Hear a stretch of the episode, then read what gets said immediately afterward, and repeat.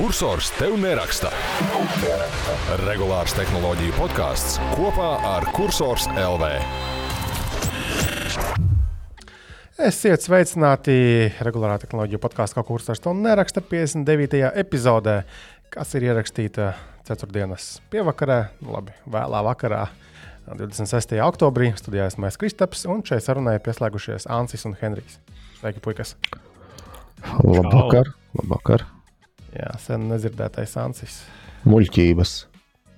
Tas bija pagājušajā reizē. Pagājušajā reizē pirms tam tev bija kaut kāds posms, kad tevis nebija. O, oh, fonā bērni, jēj, nu, vakarā ikdiena, protams. Ants, tu tur esi kaut kādā policijas iecirknī, kad tev tāds fons. Nē, man ir uh, Halloween tēmas. Tu tās te savāks, jau.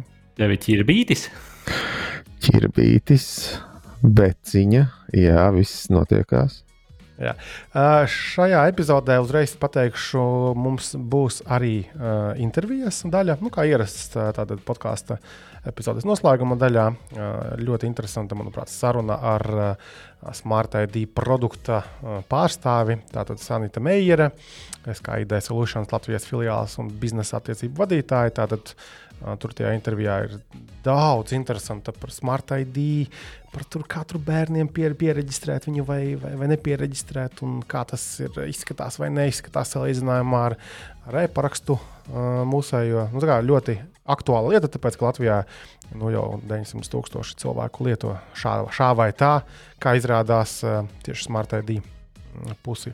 Tas vairs nav tikai par piekļūšanu bankām. Tikai vai nesanāk tā, ka viņš arī ir obligāti jālieto, lai tu pie bankas tiktu realitātē?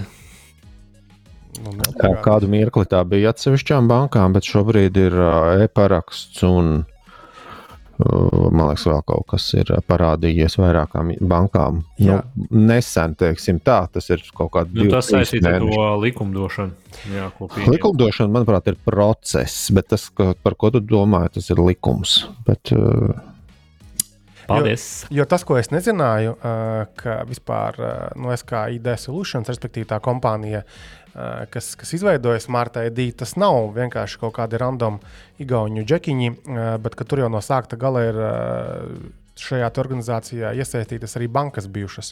Un tas visdrīzāk arī izskaidro, kāpēc nu, tā, tā pašai Svetbankai jau no sākta gala tieši Smart ID bija.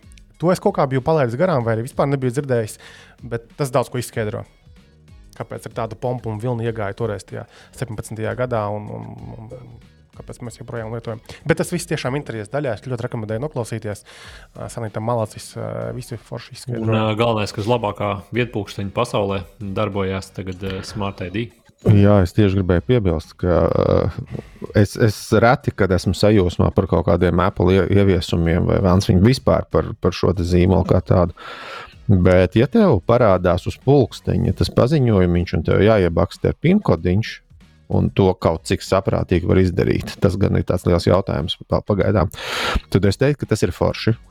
Un te, protams, loģiskais bija arī gan komentāros, gan arī Twitterī jautājums, kad būs Gārminiem, kad būs visiem šiem te. Es domāju, ka mēs visi zinām, un mēs gribētu nekad. pateikt, ka nekad noklausies intervijas daļu, un to arī dzirdēsi, ko Sanita teiks atbildot uz šo. Bet Gārmins jau, man liekas, neņem, nu, lai, lai vadītu PIN kodu vai, vai es nezinu, tur klausītos uh, podkāstus. Nu, labi, Gārmins varbūt ir ekstrēms, bet Samsung Galaxy Watch noteikti gribētu Samsung, lai viņam šādas te features būtu, vai Huawei Watch kaut kādi modīgie.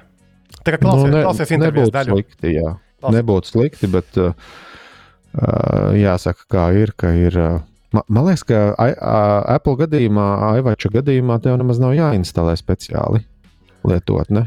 Jā, Henrij, kaut kā tāda. Tāpēc man negāja. Tāpēc man negāja. Tev vajag tā kā uztaisīt to. Nu, tev vajag instalēt arī priekš Apple Watch lietotni. Citādi viņš tikai notifikāciju parādīs. Vajag. Nu, es vismaz man negāju. Es neko neinstalēju, automātiski parādījās. Tev ir uzlikts, ka automātiski lejupielādējās arī pulkstenī. Tur à. ir tāda feature. Man ir atslēgts. Bet pēc noklusējuma jā, ir kā? Jā. A, kā ir pēc noklusējuma? Kā automātiski. Viss nu, lejupielādējās. Tu, tu, tu esi vainīgs pats. Jā, jā bija šis atšķirības, bet, kā Mārcis teica, tad es sapratu, kas man līdz galam. Vienīgais, varbūt otrs variants, viņš uzreiz to kodu vismaz man nepiedāvā. Man vajag uzspiest un tad viņš to kodu parāda pulksteni. Man parādās paziņojums, tam vajag uzspiest paziņojumu, un tam man parādās iespēja ievadīt kodu. A, man pulksteni, man pulksteni vispār notifikācijas nerādās, bet es pieņemu, ka es neesmu esmu atslēdzis, jo es ļoti dažām tikai lietot neļauju pulksteni. Taupu enerģiju. Un tagad mēs varam par šo te, kad vairākas reizes ir jālādē kaut kāds strūns, mēs varam pāriet tālāk. À, jā, tā tad turpmākās 45 minūtes mēs tagad runāsim par elektromašīnām. Labi, jo, uh, labi, tik daudz nebūs, bet idejaski, protams, visu nedēļu es cīnos Twitterī ar uh, komentētājiem, kas. Pats pārsvarā pats ar sevi gan jāsaka, ne? Nē, ar visādiem. Nē, nē, nē viņam ir šis uzrakstījums. Grāmata. Šodien man sauc. Mani sauc X vai ne, un, un tevi sauc Y. Aiziet. Jā, bet uh, šodien es pieķēru sevi pie domas, ka esmu reāli noguris Twitterī cīnīties pret tiem komentāriem. Tur bija ļoti ārkārtīgi daudz komentāru, ha, vai tu jau nezinu, ģeneratoru bagāžniekā ieliki. Ja? Es reāli varētu būt miljonārs, ja man maksātu kāds, nezinu, 10 eiro par vienu šādu te, nu, jautājumu par tiem ģeneratoriem. Bet, jā, tā tad mūsu lietotā, nu kā mūsu, diemžēl mana lietotā elektroautorāta eksperiments ir ticis tik tālu, ka mašīna no pagājušās piekdienas ir manā rīcībā. Tādu savu iepriekšējo hibrīdu esmu jau prom. Tajā pašā pat piekdienā aizdevis, tā kā es neesmu pieskāries uh, normālai mašīnai jau nedēļu, un mēģinu izbaudīt nu, full on uh, to, kas man ir. Uh, un, uh, nu, tā pieredze ir diezgan nu, skarba. Piemēram, šodien um, no rīta, kamēr es biju rādio, tur blakus vienkārši pie radio biroja ir um, lādētājs lēnais. Uh, bija pieslēgts, palādējos, bet šodien kaut kāda diena, kad man bija ļoti daudz bērnu jāvadā tur uz pulciņu, tur pie uh, speciālista vēl tur kaut kur. Un sabraukāju pietiekami daudz par šo dienu, un tagad vakarā es tagad, braukšu mājās, un es domāju, vai man palādēties, vai tomēr rītdien ah, kaut ko domās. Tā kā tik drūma situācija, ka tev ir nu, divreiz dienā jālādē tā mašīna. Bet tu varbūt nesildi tos bērnus mašīnā, lai tās mazās pakaļiņas tur pasāls bišķiņi. Nu, ņemot vērā, ka viņiem ir tie visi tie kombīši, biezie un siltie, dārgie, ārprātīgi. Man liekas, visu mūžu tie jākas tik dārgas nav bijušas, kā bērnam viņas ir. Varbūt jā, lai rūdās. Tieši tā. Uzliek sev silto beņķi, un lai viņi tur sēž un klabina zobiņus. Starp citu, par siltajiem beņķiem arī daudzi arī komentē, nu, tiem, kam ir elektromašīnas skumjas, kā man, uh, ka tā ir feature reāli, ka pietiek silta stūra, uh, silts beņķis, uh, patērē mazāk enerģijas nekā sildīt visu būdu un komfortam tādam pieticīgam pietiek. Mēs jau latvieši mākam ciest, tā kā tas, tas nav jāmācās no nulles. Bet, nu jā, nu, ja nopietni runājam, mašīna tā jau forša, bet, bet baigi daudz siltumā aiziet. Uh, un, un tas range ir ļoti drūms. Par to es lasu Twitterī un kursorā. Bet atkal, ja drusku nopietnāk iešūpojamies, tad es paspēju sarakstīt tātad, uh, visu pieredzes stāstu, kā man gāja no BRC pērkot. Uh, Jo mēs jau ieskicējām pagājušajā epizodē mazliet to procesu, bet tagad ir raksts arī kursorā, uzvalsts navigācijas izvēlē no kompijējot uz auto sadaļas, un tur ir apakšsadaļa lietotā elektroautorāta eksperiments, un tur ir raksts par to BRC. Plus es biju aktīvi pastrādājis, uzrakstījis arī rakstu, kā man gāja ar tām bankām finansējuma piesaisti, līdz pat tam, ka man bija konkrēti nu, piedāvājumi. Es nezinu, vai es pat drīkstu, es to darīju, jau, ka nedrīkstu. Tad pateicis, ko man kura katra banka piedāvāja procentu ziņā, mm, pirmās iemaksas ziņā kurai bankai nepietika ar 3%, kuriem gribēja vairāk, un, uh, un tālāk, kā es izvēlējos. Un vēl man bija raksts, paspēts uzrakstīt arī par to valsts atbalsta programmu, ka tāda ne tikai uh, valsts man iedod 2250 plus 500 eiro atbalstu, bet man tagad ir pienākums turpmāko piecu gadu laikā nobraukt 52,000 ar šo mašīnu. Un tagad es tā skatos, ka tas būs diezgan interesants izaicinājums. Lūk. Vēl rakstiem ir jābūt tātad, par riepām, par apdrošināšanām, tad jau gan jau kā par lādētājiem. Jo, Kā tas kā, kā veicas ar publisko tīklu, jo, jo tur ir man ko teikt. Un arī, protams, par iespējām ierīkot mājās lādētāju. Apsaimniekotājs nesaka nē, bet tur ir jāparaksta tāds saskaņojums, interesants. Un, protams, kad uh, Es cerēju, ka viņiem ir kaut kāda elektriķa, kas var palīdzēt izvilkt vismaz līdz manai stāvvietai. Tur to vadu. Beigās apsaimniekotājs pateica, ah, nē, baigi aizņemts, meklē pats kaut kādu elektriķi. Tā kā esmu atkal soli atpakaļ atmests arī tajā lietā. Jo Nu, tagad es ļoti labi redzu, ka it īpaši šī tik maza bateriju elektromašīnām, ja tev nav uzlādes iespējas mājās, nu, tad būs ļoti bombzīga sajūta. Jo tad, kad mēs braucam ar parastām mašīnām, tad, kad tev nokrīt līdz nezinu, 100 km atlikumam, nu, rangeam, e, tad tu tā laiski, ai, tā kā vajadzētu tuvākajās dienās uzpildīties ar šo mašīnu principā katru dienu tu esi šajā sajūtā, un nevis laiski, bet nu, tas, ka tev blin, lādēt vakarā vai rīt vai kad. Tā. Īsāk sakot, var gadīties, ka pasaules ne tikai mazās dirziņas, bet arī pāris lielās. Mm, es domāju, ka nē, bet visu laiku tāds iespringums ir. Un, uh, man ļoti patika mans rīta uh, tvīts, kad es teicu, nu, ka došos tālā ceļojumā, brīvdienās visdrīzāk. Un tad, nu, kur tālā ceļojumā, tur, kur, kur uz Bausku no Rīgas. Paklā, paklā, runājot par Bausku, anti, ne, varbūt neteiksim antireklāmu, bet uh, tu gadījumā nebrauc uz to Bausku spili, kur ir atkal. Mošķi? Jā. Nu, tāds plāns man bija, jā. Vienīgais, es nevaru izdomāt, nu, bija pagājušajā gadā. Es biju, un es paspēju. Tad tev šogad būs tas pats, nebrauc. Nē, runā, ka ir cita ekspozīcija mazliet. Ka ir mainījusies, ka nav identiski tas pats. Runā. Nē, nē, bija tādi komentāri, lasīju. Uh, vienīgais, kas man nepatika pagājušajā gadā, uh, tās rindas, uh, kad no parka garām pilī un līdz pat tam stāvvietai. Tur. Tu droši vien aizbrauc vai nu piekdienā vai sestdienā. Aizbrauc trešdienā. Trešdienā ir jāstrādā. Nu, aizbrauc, mēs, mēs, mēs bijām trešdienā vai ceturtdienā un bija. Uh, nu, labā ziņa bija tā, ka nebija rindas. Par sliktajām es neizteikšos. Nebija slikti, bet es biju gaidījis ko vairāk. Jā, jo stulbākais ir tas, ka viņi tikai vakaros strādā. Tā, es kaut kur no rīta agri aizbrauktu, apskatītos tos mošķus, protams, ka dienas gaismā laikam nav tas, uh, bet braukt vakarā, kad visi brauc. Nu, Un tajā vakarā tā problēma bija tāda, ka arī visa tā šoseja uz Bausku no Rīgas bija pilna. Tā kā cilvēki tur nenormālā daudzumā brauca. Tā pieredze man nepatika. Un tagad ar mašīnu, kas var palikt ceļa malā, nē. Bet. Nu, vēlams bet varbūt arī jāpāeksperimentē. Vienīgais riepas man nav atbraukušas. Un nu, bet jau. būs jau tagad silts atkal. Nu, ne sestdien, bet svētdien būs. Jā. Labi. Pietiek par mašīnām runāt. Ļaujiet man skumt un salt tālāk. Vispār arī. Nu, pagad, arī tu neesi atzinies, cik tu tos kilometrus paspējis nobraukt pilsētā, sildoties drusku. Un... Tu domā, nu, nu, nevajag, stā, nevajag ne, nevilksim vidēju aritmētisko. Nu, Par maz datu es to nevaru nu, pateikt. Nu, nu, bet tu 120 km vari nobraukt no saviem solītajiem 200 pilsētā. Es domāju, ka jā. Ok, viss ejam tālāk. Es domāju, ka 120 līdz 150 nu, labi, nu, nu, grūti būs. Un tagad vēl nav pat ziema. Uh, teiksim, apsilde tiešām ārkārtīgi daudz patērē, un pilsētā tomēr ir baigā tā mītīšanās. Jo, nu, jā, tur vairāk, nu, labi, ne vairāk, bet ļoti liela daļa tiešām siltumā aiziet. Uh, teiksim, tas, lai arī tur ir siltumsūknis, kā mēs noskaidrojam tajā mašīnai. Tad tas, nu, esmu redzējis, tur panelī smuki rāda, cik ir elektronika iztērēta, cik apsilde, klimats un cik iztērē pati braukšana. Un tad, kad sāk sildīt normāli, nu, tad tur 3 kW vairāk pat rādās. Un, nu, stundu tu pasildies, stumjoties līdz, līdz centram, nu, to 3 kWh ir prom. Un 3 kWh no 28 ir ļoti jūtama daļa.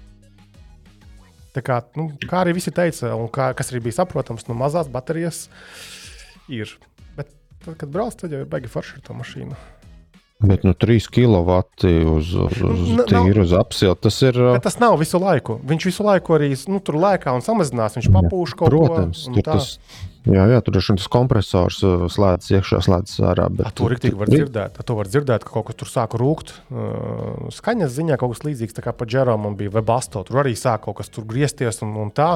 Un te vēl papildus nāk kaut kāda burbuļojošā skaņa, laikam to uh, nu, tosolu nu, dzenā riņķī. Tas nav tosols, tas ir tas augstuma, augstuma nu, aģents. Kaut kāds šķidrums. Jā, jā. Jā, jā, tas ir tāpat kā māja, māja kurināt ar uh, kondīšku. Ja? Siltums, siltums, siltums. Nu, Bet uh, tas patēriņš arī ir tāds pats kā mājai. Jā. Jo, jo, jā, jo es, es esmu jau otro ziemu ar siltumsūku, neko es sarēķināju, ka man būs laikam uz pusi lētāk nekā ar gāzi kurināties. A kā būs šogad? Nu, tas nav... ir šogad. šogad. À, šogad Pag, Pagājušajā gadā bija kaut kāds trīs vai četras reizes lētāk. Jā, šogad ir kādas uz, uz pusi aptuveni. Es neesmu baigi, baigi precīzi rēķinājis, bet labi, nav, nav par to stāst. Bet arī man tas uh, siltumsūknis uh, uz kaut kādiem 65 kvadrātmetriem arī iet ar kaut kādiem, nu, tagad ir maksimālais tas uh, spēriens par, par elektrības skapi, tad ir kaut kādi 3,2 kW vai, vai pat bišķiņi mazāk. Bet tas parasti ir tā, ka, tā, ka tas, tas aparāts pats sev atsaldē. Nevis tad, kad silda mani, bet tā, kad nu, viņi tās apklājas ar, ar ledu, tur tad ik pa laikam. Šitādā siltā laikā nezinu, kādas. Nu, varbūt ik, ik pa stundai, varbūt viņa pat retāk atsaldējas. Mm. Un, un tad, kad ir tie mīnus, nezinu, tas laikam lielākais, ko es redzēju, ir mīnus 17 bijis pagājušajā ziemā. Nu, tad gāja tā atsaldēšana ik kādu pusstundu, ik 25 minūtes kaut kā tā tad uzlec tas, uh, tas patēriņš augšā.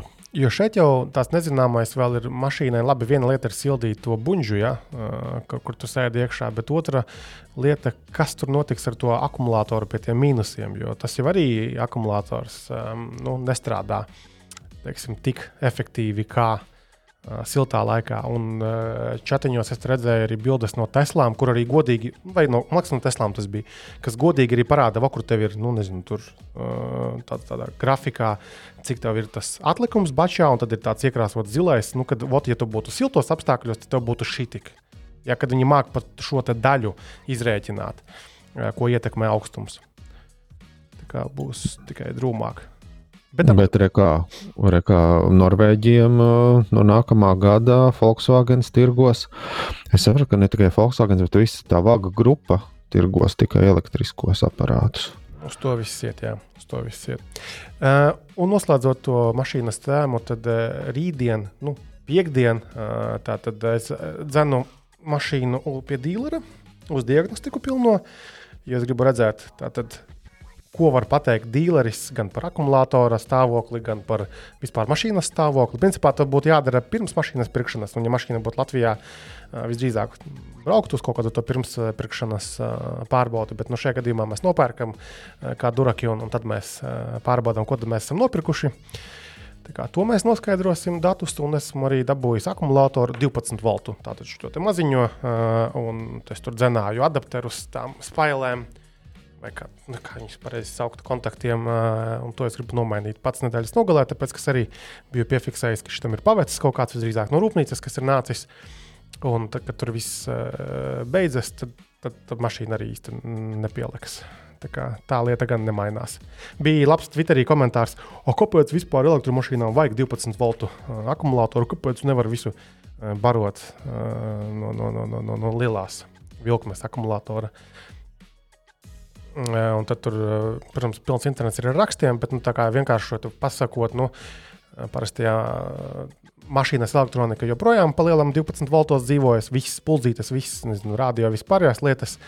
Un tad tur būtu jātērē nauda ražotājiem, konvertējot šo enerģiju no, no, no, no nezinu, 400 vai 800 voltu bateriju pakām atpakaļ uz leju visai tai elektronikai. Gan jau ir kaut kādas, nezinu, auto, kur, kur par to tiek domāts, bet palielam visi būvē no esošām komponentēm, no attiecīgām sistēmām, kas ir, ir īpaši tik vecām mašīnām kā manējā. Tāpēc arī vajag 12 voltu akumulātoru. Lūk, Henrij.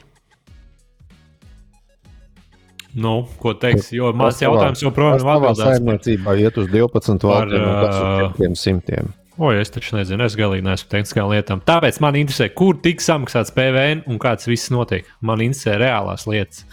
Bet, nu, tā kā tu pirki to uzņēmumu, tad uh, tas tev tur viss, es saprotu, nav aktuāli. Bet man, teiksim, kā privātpersonai šis jautājums šobrīd ļoti interesē. Nu, zvani, Kas... zvani valsts ieņēmumu dienestam un prasi. Tikai ne par mani, bet tā kopumā. Nu, tu jau caur uzņēmumu esi pircis. Nu, labi, man vienkārši tā iedomājos, kas notiek, ja es pērku Vācijā vai, piemēram, 21 vai, de, vai 19. Jo, 21. kāpēc es to prasīju? 21. Kāpēc to prasīju? Tāpēc, ka es esmu redzējis, ka tu arī Gaunijā nopirki Tesla oficiāli, idejiski. Un tad sanāk, ka tu vedīsi uz Latviju, tad tev būs jāsamaksā PVN. Jo tev būs jānoreģistrē Latvijā. Nē, nu, tur tu nopirksi. Tā tev Māris taču izskaidroja. Tas ir juridiskām personām. Nē, nē, tev kā privāta personai, jebkurā gadījumā ir jāmaksā PVN. Nu, kā... Nu, bet jautājums, kuras valsts? Nu, tajā valstī, kurā tu viņu reģistrēsi, visticamāk, tajā arī tu maksās. Bet, ja tu pēc tam gribēsi pārreģistrēt uh, uz, no Igaunijas uz Latviju, tad tu varēsi mm, samaksāt. Tas ir šeit. tas, ko tu raksts sūtīja. Ja?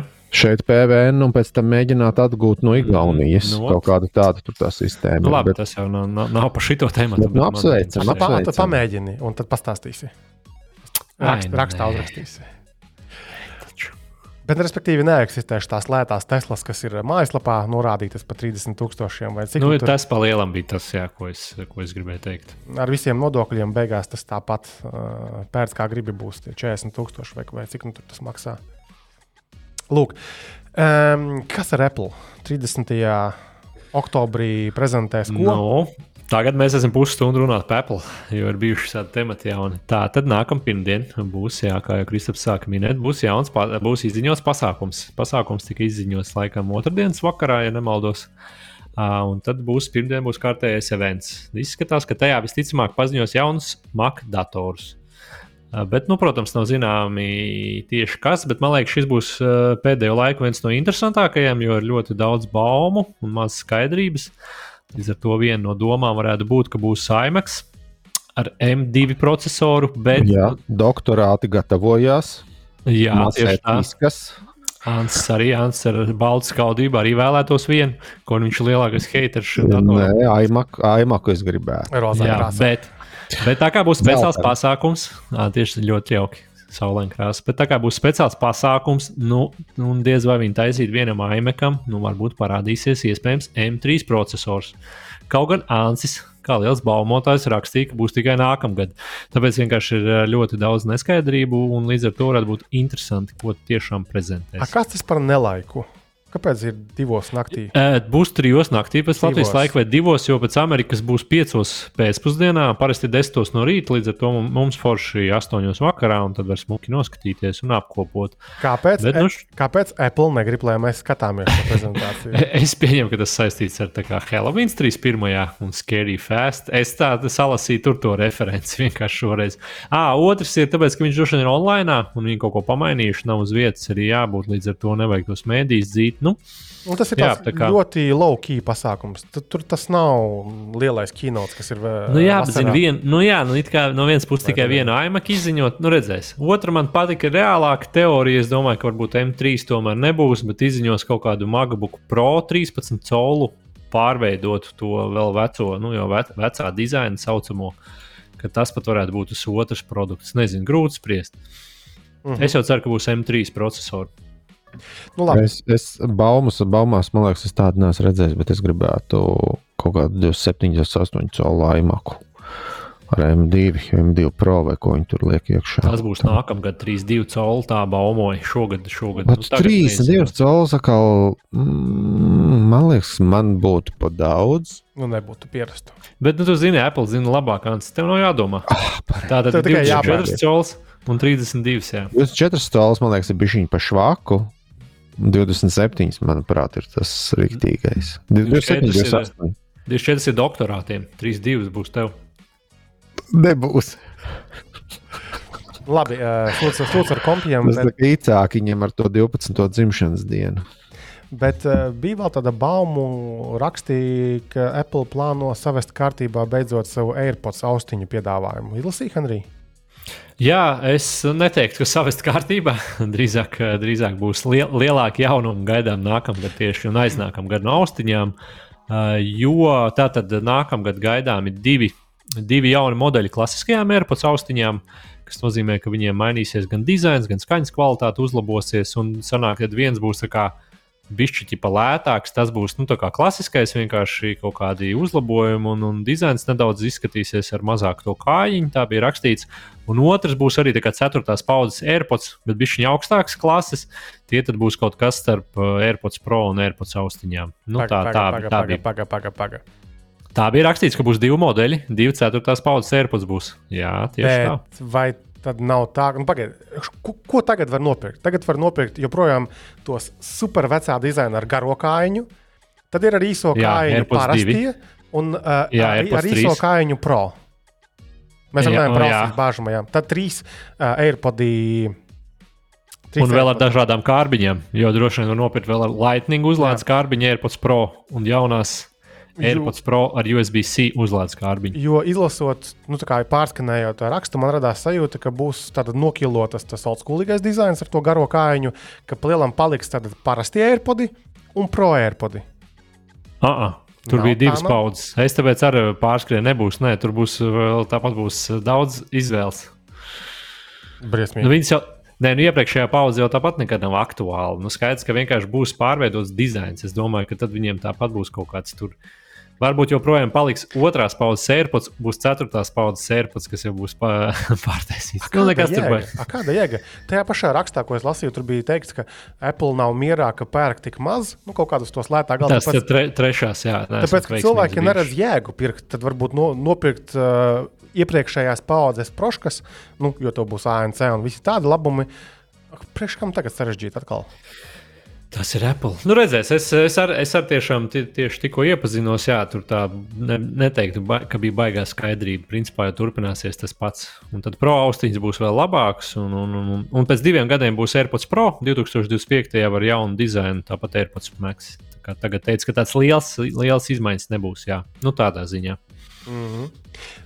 Jā. Tad bija vēl ziņa no Apple, ka viņi paaugstināja cenas Apple RKD, News Plus, kas Latvijā nav pieejams, un One uh, tam bundlam, kur ir vairāki pakalpojumi iekšā. Mm -hmm. Be, un televīzija. Arī TV Plus. Jā, arī TV Plus. Ko Latvijā var izmantot, un ik pa laikam izmanto kāds noteikti. Jā, to Latvijā var. Es domāju, ka tas arī varētu būt no šitiem Kristapa nosauktajiem tāds vispopulārākais un sakarīgākais, ja tas maksāja 6,99, A, kas salīdzinot pat pret Netflix un, un vispār citiem visiem straumēšanas bija diezgan lēti.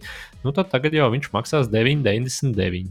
Un uh, visiem, visiem tiem plāniem pieaudzis par 3 eiro. Ar, nē, sorry, nē, arcade būs par 2 eiro. Tas būs 6,99. Iepriekš jau 4,99 vietā, bet es Apple arcade Nu, viņš tāds vienkāršs spēlīts. Es, es arī esmu pats ņēmis, es kaut kādu trial periodu. Nu, nav tur nekas baigi.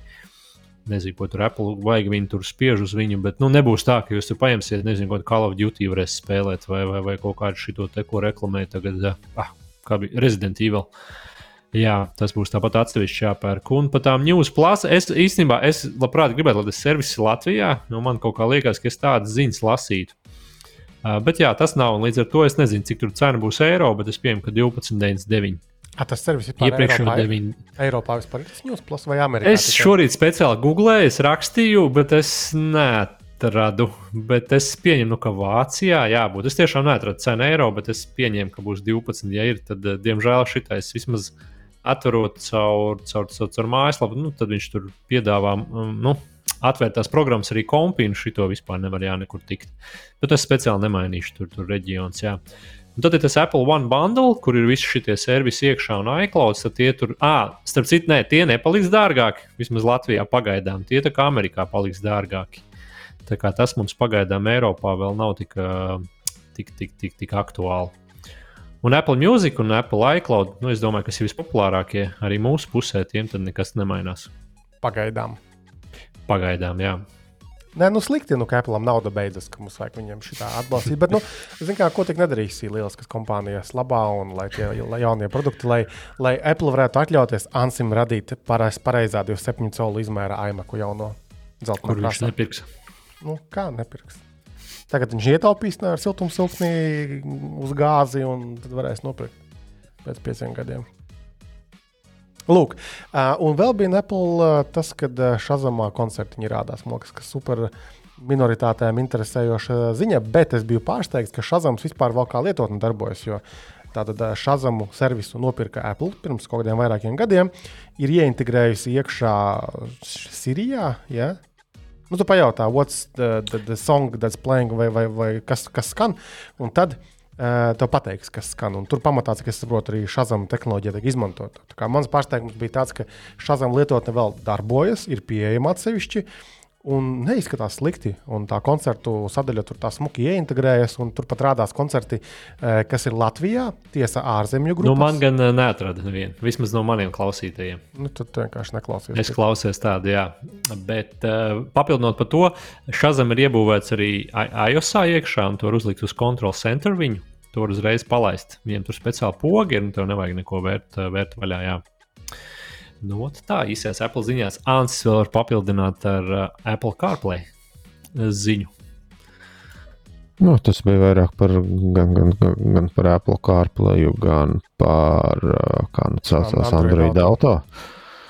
Kā, laikam tur bija tā, ka, ka diezgan daudzi cilvēki, kuriem ir šīs iespējas mašīnās, visticamāk, ir samaksāts ekstra par to, vai ir piepirkta klāta mašīnas nākamā tā aprīkojuma līmeņa kārta par godīgu, bet nelielu samaksu. Uh, Uh, nu, neizmanto vienmēr sakot šīs lietiņas. Ja tev, man liekas, tas ir statistika bija tāda, ja tev mašīnā ir uh, šis te CarPlay vai Android auto, tad uh, tikai 42% gadījumu tas tiek izmantots uh, piln, kaut cik pilnvērtīgi, lai klausītos tur mūziku un tā tālāk. Bet uh, pār, pārējā laikā pārsvarā cilvēki turpināja izmantot FM radio, un, un bija minēts arī AM, bet tas laikam attiecās uz mazāk attīstītiem pasaules reģioniem, piemēram, Ameriku. Nu, nē, nu tā viņiem tur iet. Nu, viņiem ir vai nu satelīta man liekas, tas vēl vispār pastāv. Uh, Jā, kaut kāds Sirius. Tas kas... jau pastāv īstenībā, jā, tas uh, diezgan populārs Amerikā. Vai arī dažkārt viņiem tur tās AM frekvences ir. Nu, mums, man liekas, AM kopš 90. gadiem vispār vairs nav. Runā Rīga. Bet, uh, jā, bet rakstot to rakstu, uh, tu man liekas, nebija līdz galam sapratis, uh, kā tā sistēma darbojas. Jo, laikam, tavā mašīnā nav šādu aprīkojuma līmeņa. Nē, man nav tik smalkas mašīnas. Nē. Jo tu jau CarPlayā nevari radio klausīties. Tu reāli izēji laukā no tās aplikācijas, un tad tu nu, mašīnas pusē klausies. No, no tevis sākotnēji. Viņš taču viens un tas pats ir. No ekrāna tā jā, bet uh, mašīnas rādio nav nekāda sakara ar CarPlay. Tev uh, radio nerādās CarPlayā. Tas tu gribi pateikt, ka tātad šie cilvēki vēl ieslēdz radio atsevišķi no savu telefonu. Tieši tā, tieši tā nu, kad ne visi izmanto tos straumēšanas servisus, bet arī komentāros kursorā bija cilvēki, nu kā, bet ja tur nav nezinu, bezlimitā pieslēgums, tas ir nu, labi. Tur es vēl neko nesaku, bet arī, nu kā, bet man taču, nezinu, tur internets nav visur pieejams. Nu, jā. Nu, Zini, kā, ja tev ir bezlimita, tev nav bezlimita internets un tev ir kārplēs, nu, pa lielam neiet šīs lietas kopā. Tas tā kā mūsu māris ar elektromašīnu jaunu un ko tik vēl, ne, bet nevar noabonēt YouTube. Ultrā, vaču ultra pērk un, un, un staigā ar 15 iPhone, bet ne, ne, ne, ne, ne. Vai arī tas ir, tas ir kā iPhone, kurā tu neesi ielagojies ar Apple ID. Tā vispār var mūsdienās ir redzēta iepriekš tādi gadījumi. Tur baigi Apple spirinājās un tu vai ielagojies. Nu, davai, davai, davai. Bet man liekas, ka tad vienkārši kāda jēga Labs jautājums. Es domāju, ka tev setupā vajag mums pēc tam var izlauzīties ārā. Nu. Tā kā tu toreiz testēji tos AirPodus, nu vai vari viņus izlādēt pavisam līdz galam, tagad paņem norisi to savu telefonu un pamēģini padzīvot bez Apple ID ielogota. Nē, labāk parunāsim par nopietnu tēmu. Kāpēc mēs nevaram dabūt iPhone? Tas, tas īstenībā kauns. Kādu iPhone? Nu, jaunu un kauns tas īstenībā ir. Ja mēs baigais bloks, mums nav neviens, kur mēs nevaram sarunāt. Nu, skumji. Tā kā visi viņi ir vienādi. Tieši tā. Nu, nē, es biju iegājis veikalā, es paturēju rokā, ir jūtams svara atšķirība. Un apmalīts ir labāks, bet tas pa principu. Princips. Tāpēc, ka telefons. Nu, tāds, tāds tirgus. Tāds tirgus. Tāpēc, ka telefonu šitos pērk tāpat vien ir, tur apskati vai nav apskati. Un, uh, Man liekas, mēs bija kaut kāds viens gads vai divi gadi, kad mēs superlaicīgi dabūjām tos iPhone. Bet tagad mēs atgriežamies atkal tajos uh, pirms Henrija ērā, kursora, uh, kad tie iPhone parādījās, jā, tur pusgadu, septiņus mēnešus pēc tam, kad viņi izlaiž. Vienkārši no sērijas viss ir apskatīts. Ai, nu labi, paņemsim to iPhone. Tu saki, ka vajag tomēr, jā? Ja? Nu, jā, nu man, man sirsniņa skumst, bet nu, kā ir tā ir? Mēs jau saprotam, ka neesam mēs influenceri, neesam mēs interesanti vairāk. Uh, nu, labi, es pajautāšu vēlreiz. Uh, nu, ja tie... nav, tad nav. Es tik tā iesmēju bišķiņu. Nē, nu, ja vajag, tad mēs varam dabūt. Piemēram, Ancis dabūja Fairphone piektos testu beidzot. Un ir stāvā sajūsmā par to, cik fantastiski lielisks ir šis telefons. Es, es īsti nesaprotu, Kristaps teica, ka es nedrīkst lamāties par šo tēmu. Tā ir. Tu nekad nedrīkst lamāties. Tad, nu, lūk, nevien, neviens rupšs vārds neizspruks no manas mutes, bet iespējams es norādīšu uz dažām uh, nu, nepilnībām vai kaut kā tā drīkst? Jā, ēters ir mans. Vienmēr sakot, pie mums ir uh, piektais, piektais Fairphones, vai ne? Nu, pēdējais jaunais. Jā. nu tad, nu, lūk. Ir labās ziņas, ka tu iespējams varēsi vai vari to vietu tālruni sa salabot. Ir iespējams ar nagu noplēst no aizmugures vāciņu. Un, un pēc tam ir... mēģināt pielikt. Es, es godīgi sakot, tikai daļēji parāvu vaļā to vāciņu. Es pavisam nenorāvu, bet tur tas vāciņš ir puscaurspīdīgs un var redzēt, ka, ka ir paredzēts izskrūvēt ar parastajām nu, krustiņu. Philips, laikam tā tas te, tehniski saucās, krustiņu skrūvītēm maziņām var akumulātoru izskrūvēt. Akumulātor, akumulators izņemas tāpat. Tu izjausi to telefonu. Es saprotu, es saprotu ka viņi šodien tikai savāci, bet.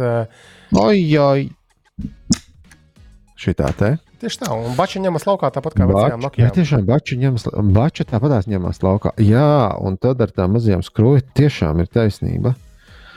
Es tiešām tikai biju pa drusciņai pavērs vaļā, un ar mazajām skrūvītēm tu vari izņemt ārā. Blokus tu vari mainīt, man liekas. Jā, te laikam pa lielam ir Tā, cik var noprast no piktogrammām, ir uh, lādētāja bloks kopā ar vienu skaļruni apakšdaļā. Augšdaļā ir kamera kopā ar augšējo skaļruni. Kas tur tālāk, dziļāk notiek, to nekas nav atšifrējis. Tas tad ir jārok kaut kādā instrukcijā vai jāskrūvē vaļā.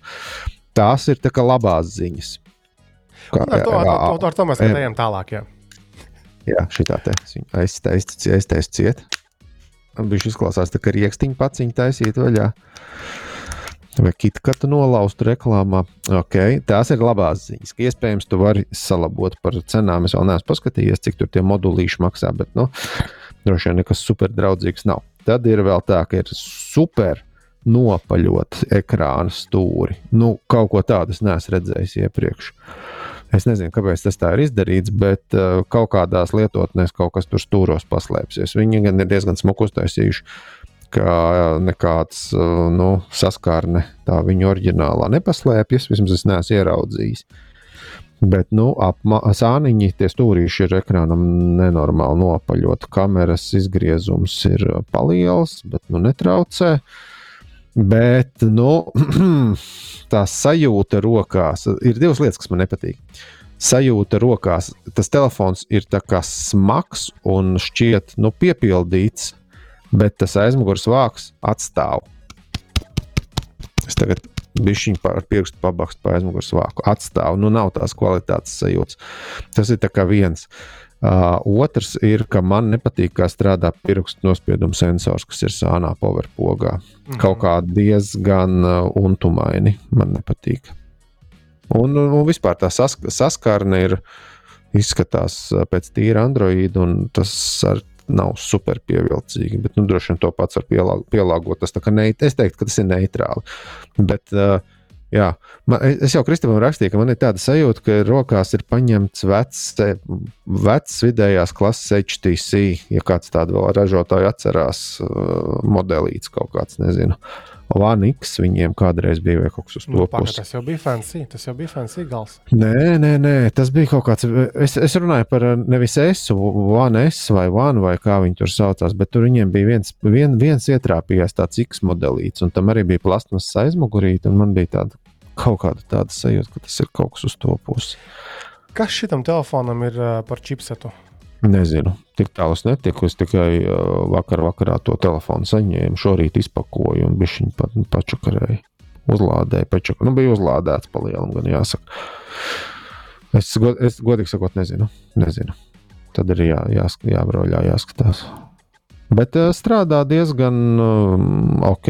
Es tur pa, palaidu kaut kādus benchmarkus ātros. Nu, nav pats ātrākais. Man viņam kaut kāds septītais Snapdragons nebija kaut kas tāds. Uh, 6490. 649, 7000, 700. Midrangeris kaut kāds sanāk pēc, pēc cenas. No, drīzāk tā kā uz, uz švako pusi. Bet uh, strādā ok, vismaz šobrīd. Viņš nemaksā kā budžetnieks. Nē, 699 eiro. Jā, jā.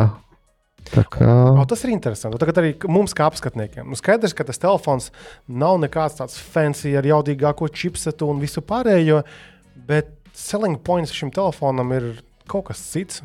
Tas, ka tev ir.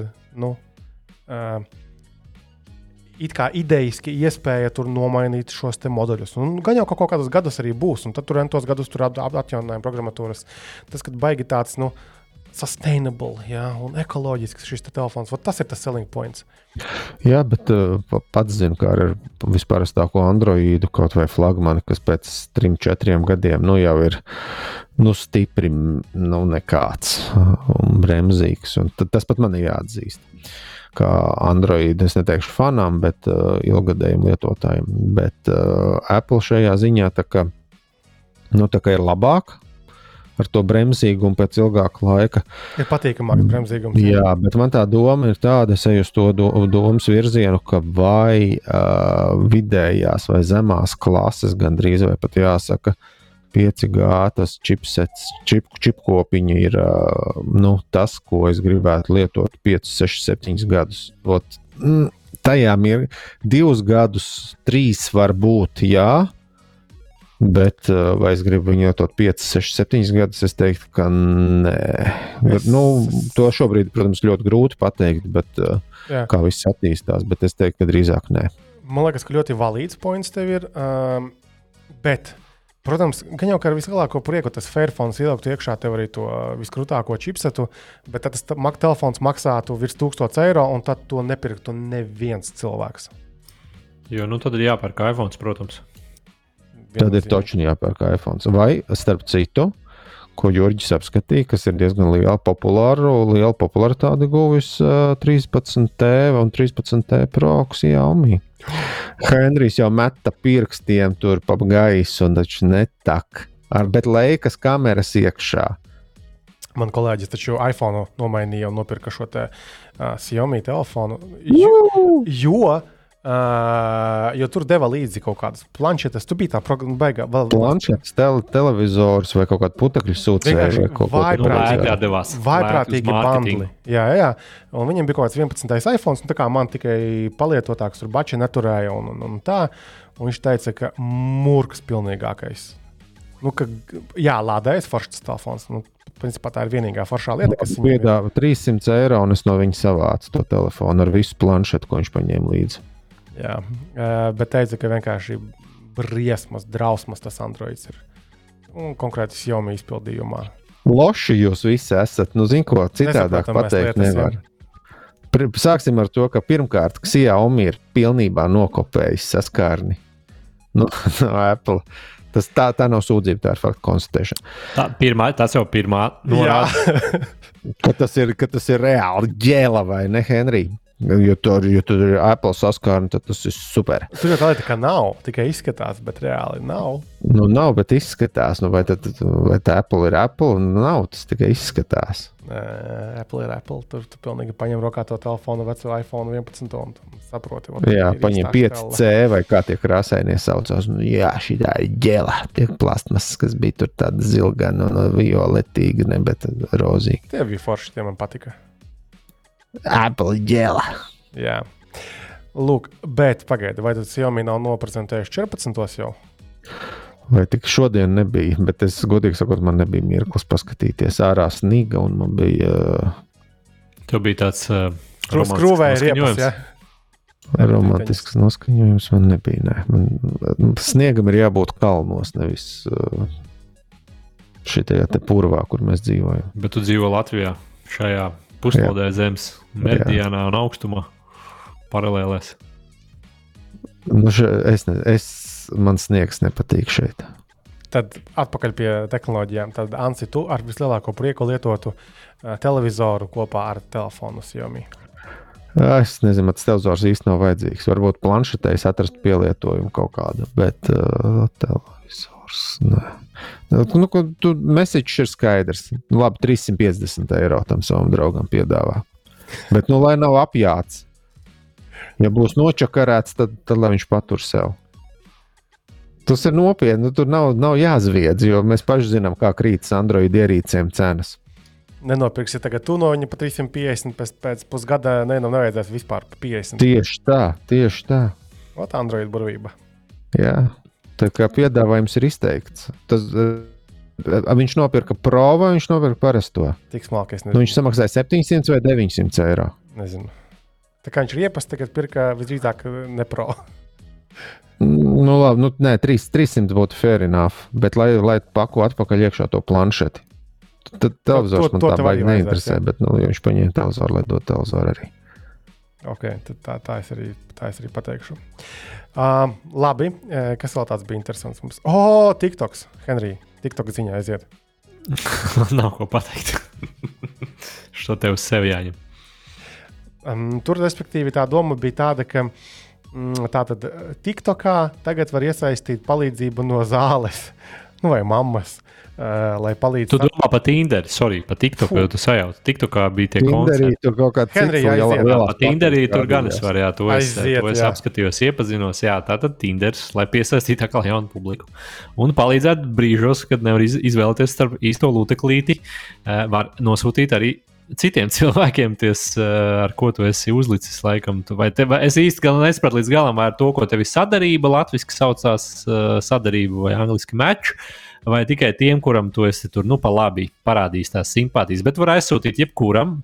Bija līdz 15 cilvēkiem, un nav jāreģistrējas. Tiem, kas cilvēkiem. arī interesants faktors. Tad, tad, tad sataisījuši. Un tad, karoči, māma tavā vietā var izvēlēties, eh, kuru tātad viņa vēlēsies redzēt tev blakus. Eh, un, eh, nu, jā, tātad, un apakšā un virsū un tā tālāk. Apakšā, virsū, priekšā, augšā, jebkur dažādos veidos, pagriezienos un principā pārņemt kontroli pār tavu dzīvi. Henry, Tātad, ja tu vēlies, lai mēs ar Anci pārņemam tavu dzīvi, tu droši vari sūtīt mums šīs interesantas, un mēs tev palīdzēsim izvēlēties. Bet man nav aktuāli vispār, man viss kārtībā. Jums esat toču pēdējiem izvēlēt. Visu cieņu jums, jūsu profesionālajam darbam, savā privātajā dzīvē jūs ielaist kā pēdējos. Tā nerunā rupjības, ja mēs sūtīsim tev biksītes. Papāst. Paga, paga. Tu jau, jau. Mans jau man var atnest. Antis pat jāpat zina, kur tu dzīvo. Jā, tā kā viss tad ir netālu. Varam sabiedrīt ģelu. Bet kopumā forša feature taču pareizi. Nē, nu, kaut kādā nē, nu, ja tādā ziņā ja padomā, vispār tad Stinders attīstās, visu laiku kaut ko jaunu piedāvā, skatās. Nu, tādā ziņā jau nē, nu, kāpēc ne? Tādā ziņā piedāvāt. Jā, Es domāju, ka nekas slikts nav. Kaut gan visdrīzāk to apjūzos. Tādā ziņā, ka kaut kādos draugu lokos vienkārši Jā. kopā varēsi ieņemt par kādu, kuram gaumu vai tas īstenībā atkal palīdzēs, zināmā, varbūt arī citreiz Uh, nu, jā, ja, nu, piemēram, redzēt kaut kādu zināmu cilvēku, piemēram, tad tu vari nodot. No nu, kā tādā ziņā tas var nospēlēt pretēji, nu, kad, kad kādam varbūt neinteresē. Nu, ierāk, nu, tādā ziņā, jā. jā. Vai bijušo, piemēram, nu, tā kaut kā. Vai kādu sievu, vai kādu vīru, ja, kas jau ir attiecībās, jā, nu, visādi. Jā, trakums. Bet par TikToku, TikToks uh, festivāla mūzikas taisu, uh, taisa uh, Es atceros no tās ziņas, ka tur kārtībā bija, un tad kaut kādi vēl mākslinieki, ko es vispār nezinu. Bet es neesmu jauns cilvēks, kas seko līdzi visām šīm lietām. Bet tad viņiem bija mūzikas festivāls, notiks Amerikā, mm, Mesas pilsētā, kur tas ir kaut kādā Arizonā, vēl kaut kur tur. Tā kā jā, TikToks. Bet arī nav jau nemaz tik hihi un haha, tāpēc ka TikToks ir pietiekami uh, populāri, populāras, var padarīt konkrētas dziesmas vai izpildītājus, nu, kad izmanto tur tajos. Uh, TikTokos kaut kādu fonu, to mūziķu vai tur māžojas kaut kādas mūziķiņas pavadībā. Tad ziņā tik daudz to lietotāju un to fanu tam servisam lietotnē, ka nav jau ka lieta. Kā kaut kāds iegūms gan jau ir šiem māksliniekiem, kas ir uzstāsies, ne tikai naudas ziņā. Starp citu, zinot, kādus jautājumus man pie sevis atnāca, ko es atceros, ir taču threads lietotne, kas laikam Eiropā joprojām nav nonākusi. Nav, nav dzirdēts, jā. Tā kā bija, tā, bija tāds bija hype, kā saka, un tā arī viss pazuda. Tur tā ziņa bija tāda, ka 100 miljoni pagaidām lieto, un es lasīju, kur vēl citā vietā, ka Zakarbergs saka, nē, nu, ka tuvāko gadu laikā varētu arī miljards lietot to lietotni. Bet kamēr viņš nedos oficiāli mums Latvijā lietot viņu, tad nebūs nekāds miljards. Jo Kristus vien kā 300 lietotāji. Es ne, ne, negribu dzīvē vēl viens sociāls tīkls. Es redzu, kas notiek ar Mastodonu. Es reāli gribu slēgt to serveri cietu, jo nu, Nu, nav, nav aršana nekāda. A tev nav uzrunājis neviens uh, mēdījis vai produkts, lai tu reklamētos Twitterī? Twitterī? Ar savu bāzi, jā, tieši. Nu, ik pa laikam kaut ko pajautā, bet es īsti mm, tā nedaru. Nu, tad uzrunāts tu esi bijis. Tā kā reklāmas nolūkos, ja? Jā, jā. Nu, aptuveni par ko ir runa.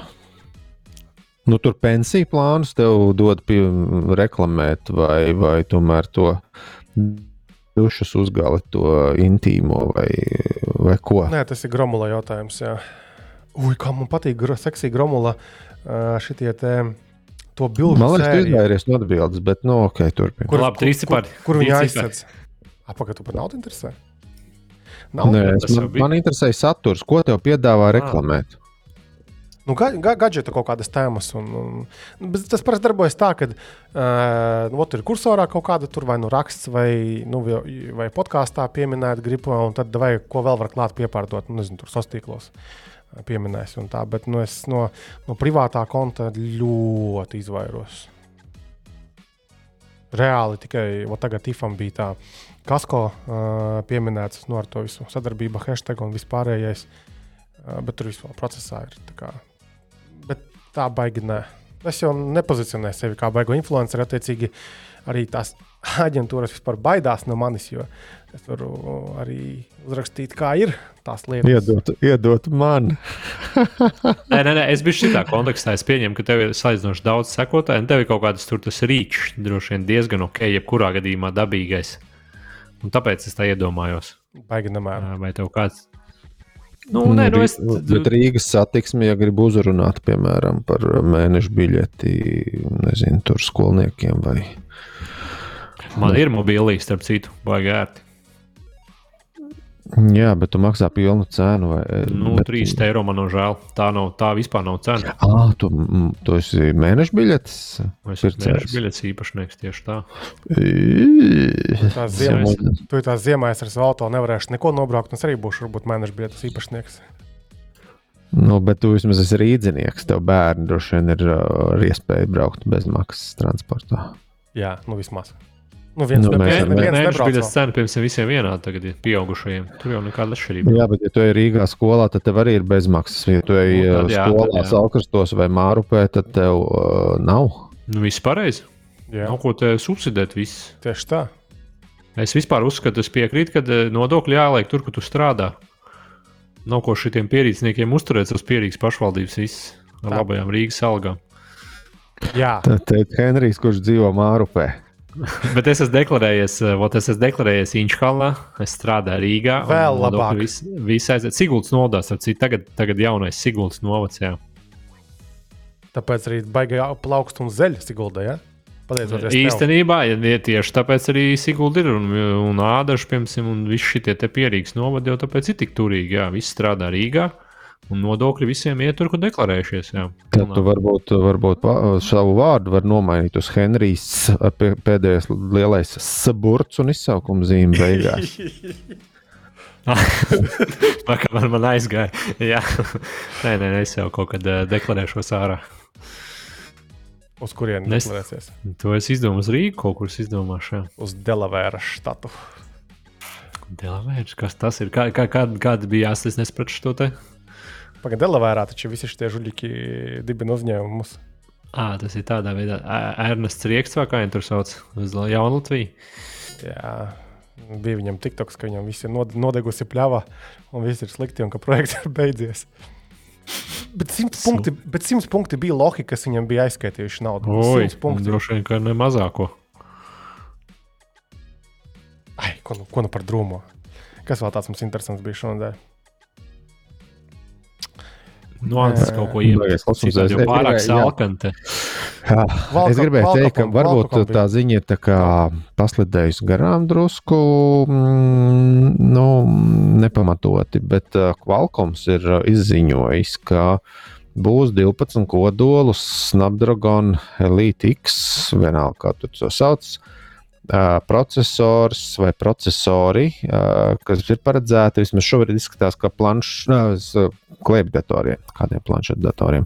Vienādi sakot, Windows datoriem, kas ir nevis galda datori, bet klēpjdatori.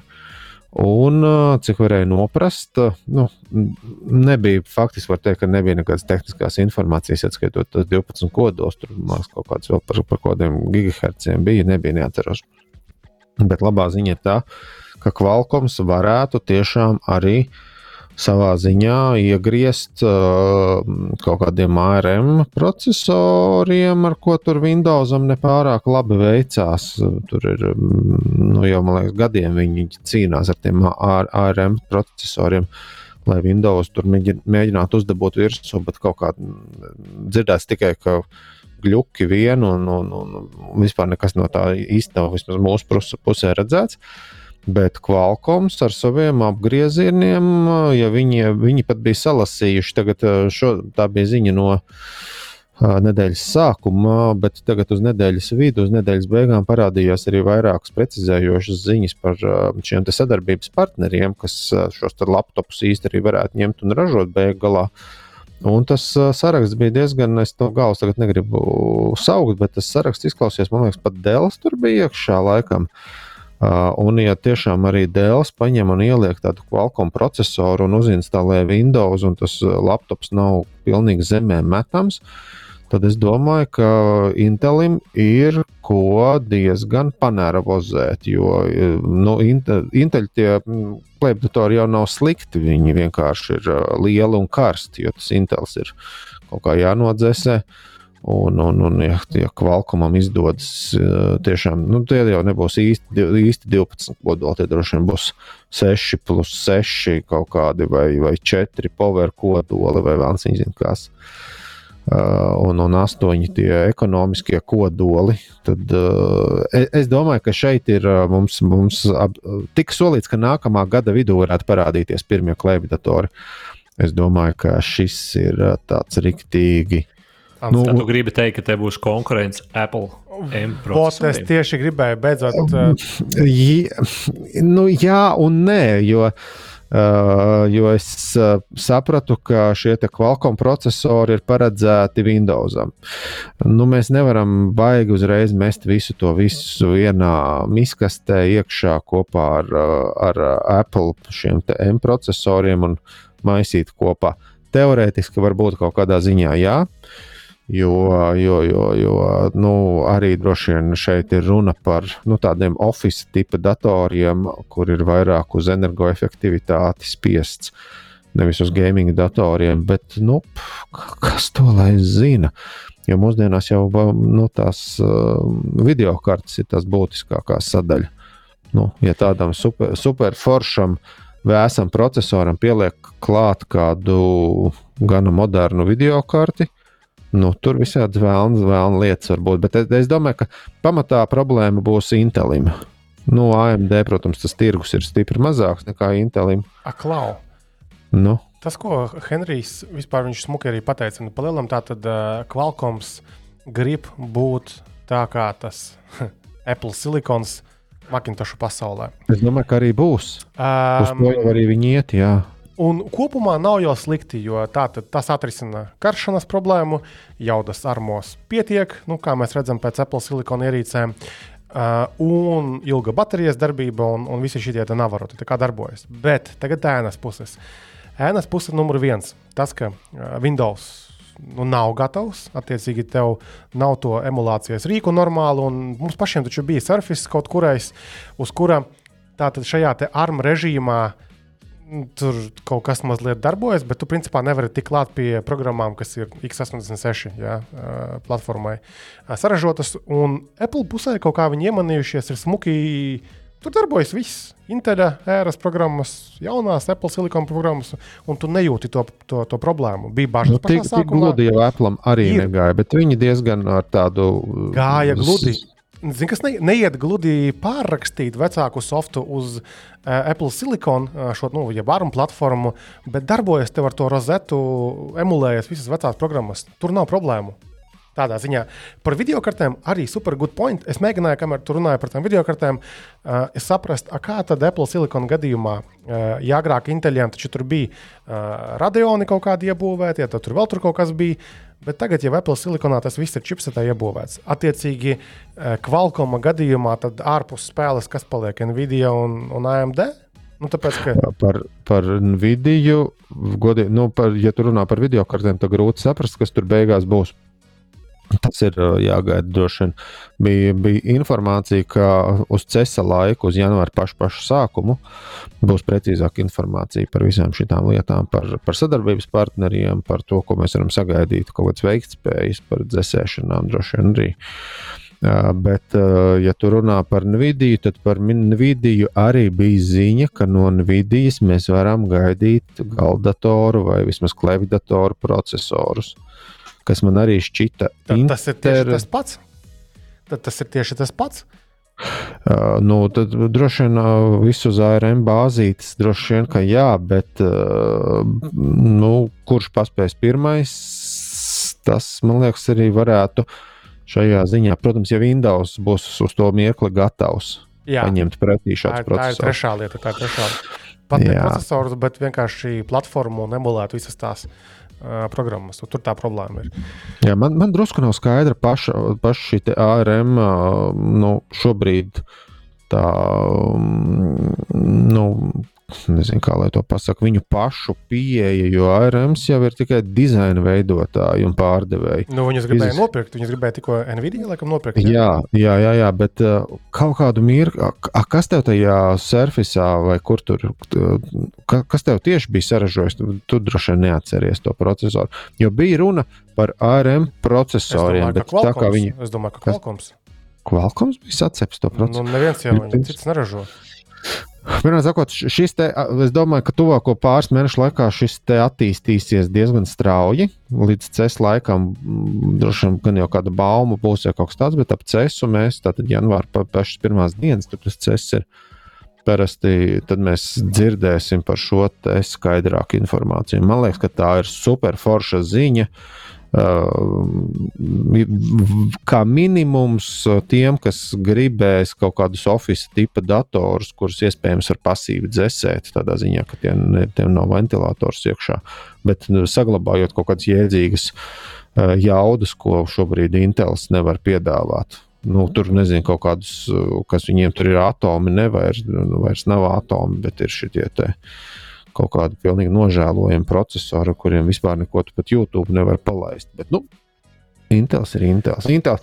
Godīgi sakot, ja mēs par Inteli, ja drīkst vēl pa, paņemt bišu ēteru, uh, tad um, pie mums ir nonācis, man liekas, mēs jau pagājušajā reizē par to runājām, bišķiņu, vai nerunājām par 14. paudzes i9. Kā mēs ar Kristapu es Kristapu, Kristaps tālāk, uh, gigabaita pārstāvjus. Uh, uh, droši vien tālajā kaut kur. Pagājušajā epizodē mēs čīkstājām, ka tur nesūda nedarbojas. Tā kā mums nu, tiešām arī nedarbojas. Jā, mēs tikām, tik, ma, mana hipotēze izrādījās bija patiesa. Tad man likās, ka nu, softā, ne, bet biosa vai, vai driver update pietrūkst, lai darbotos. Un tik tiešām mēs izsitām no gigabaita mm, neizlaistu BIOS versiju, kas nav publiski pieejama vēl uzlikām to, XMP profils to palaidās. Un principā palaidās. nav perfekti tie rezultāti, bet vismaz darbojas.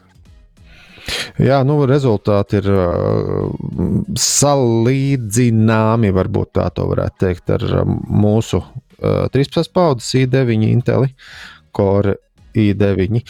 Uh, šis te jaunais arī 14. paudzes uh, i9 iedots mums uh, viens ir 3 13900K, otrs šis jaunais 14900K.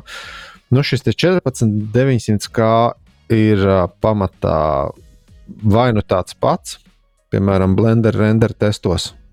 Uh, bet uh, kaut kādos uh, Cinebenčā ir kaut kādi pārsimts uh, punkti mazāk. Tur tāda starpība ir starp 15,000 un 14, nepilniem 14,000. Tad tur tas štuka ir starpā. Nu, būs, būs apskats pavisam, pavisam drīz. Jā, skaties, kāds joks.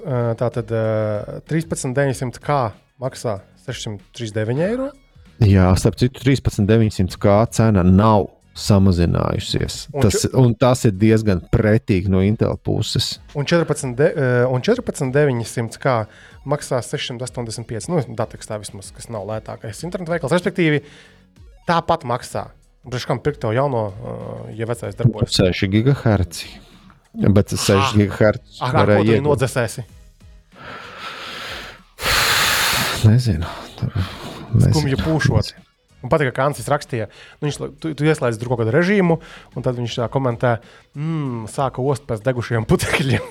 Jā, tas bija. Tur kaut kāds ir, ir šeit gigabaita sistēma platē, ir kaut kāds instant 6 gigahertz vai 6 gigahertz, insta vai instant, instant 6 gigahertz plus vai kaut kas uz topus.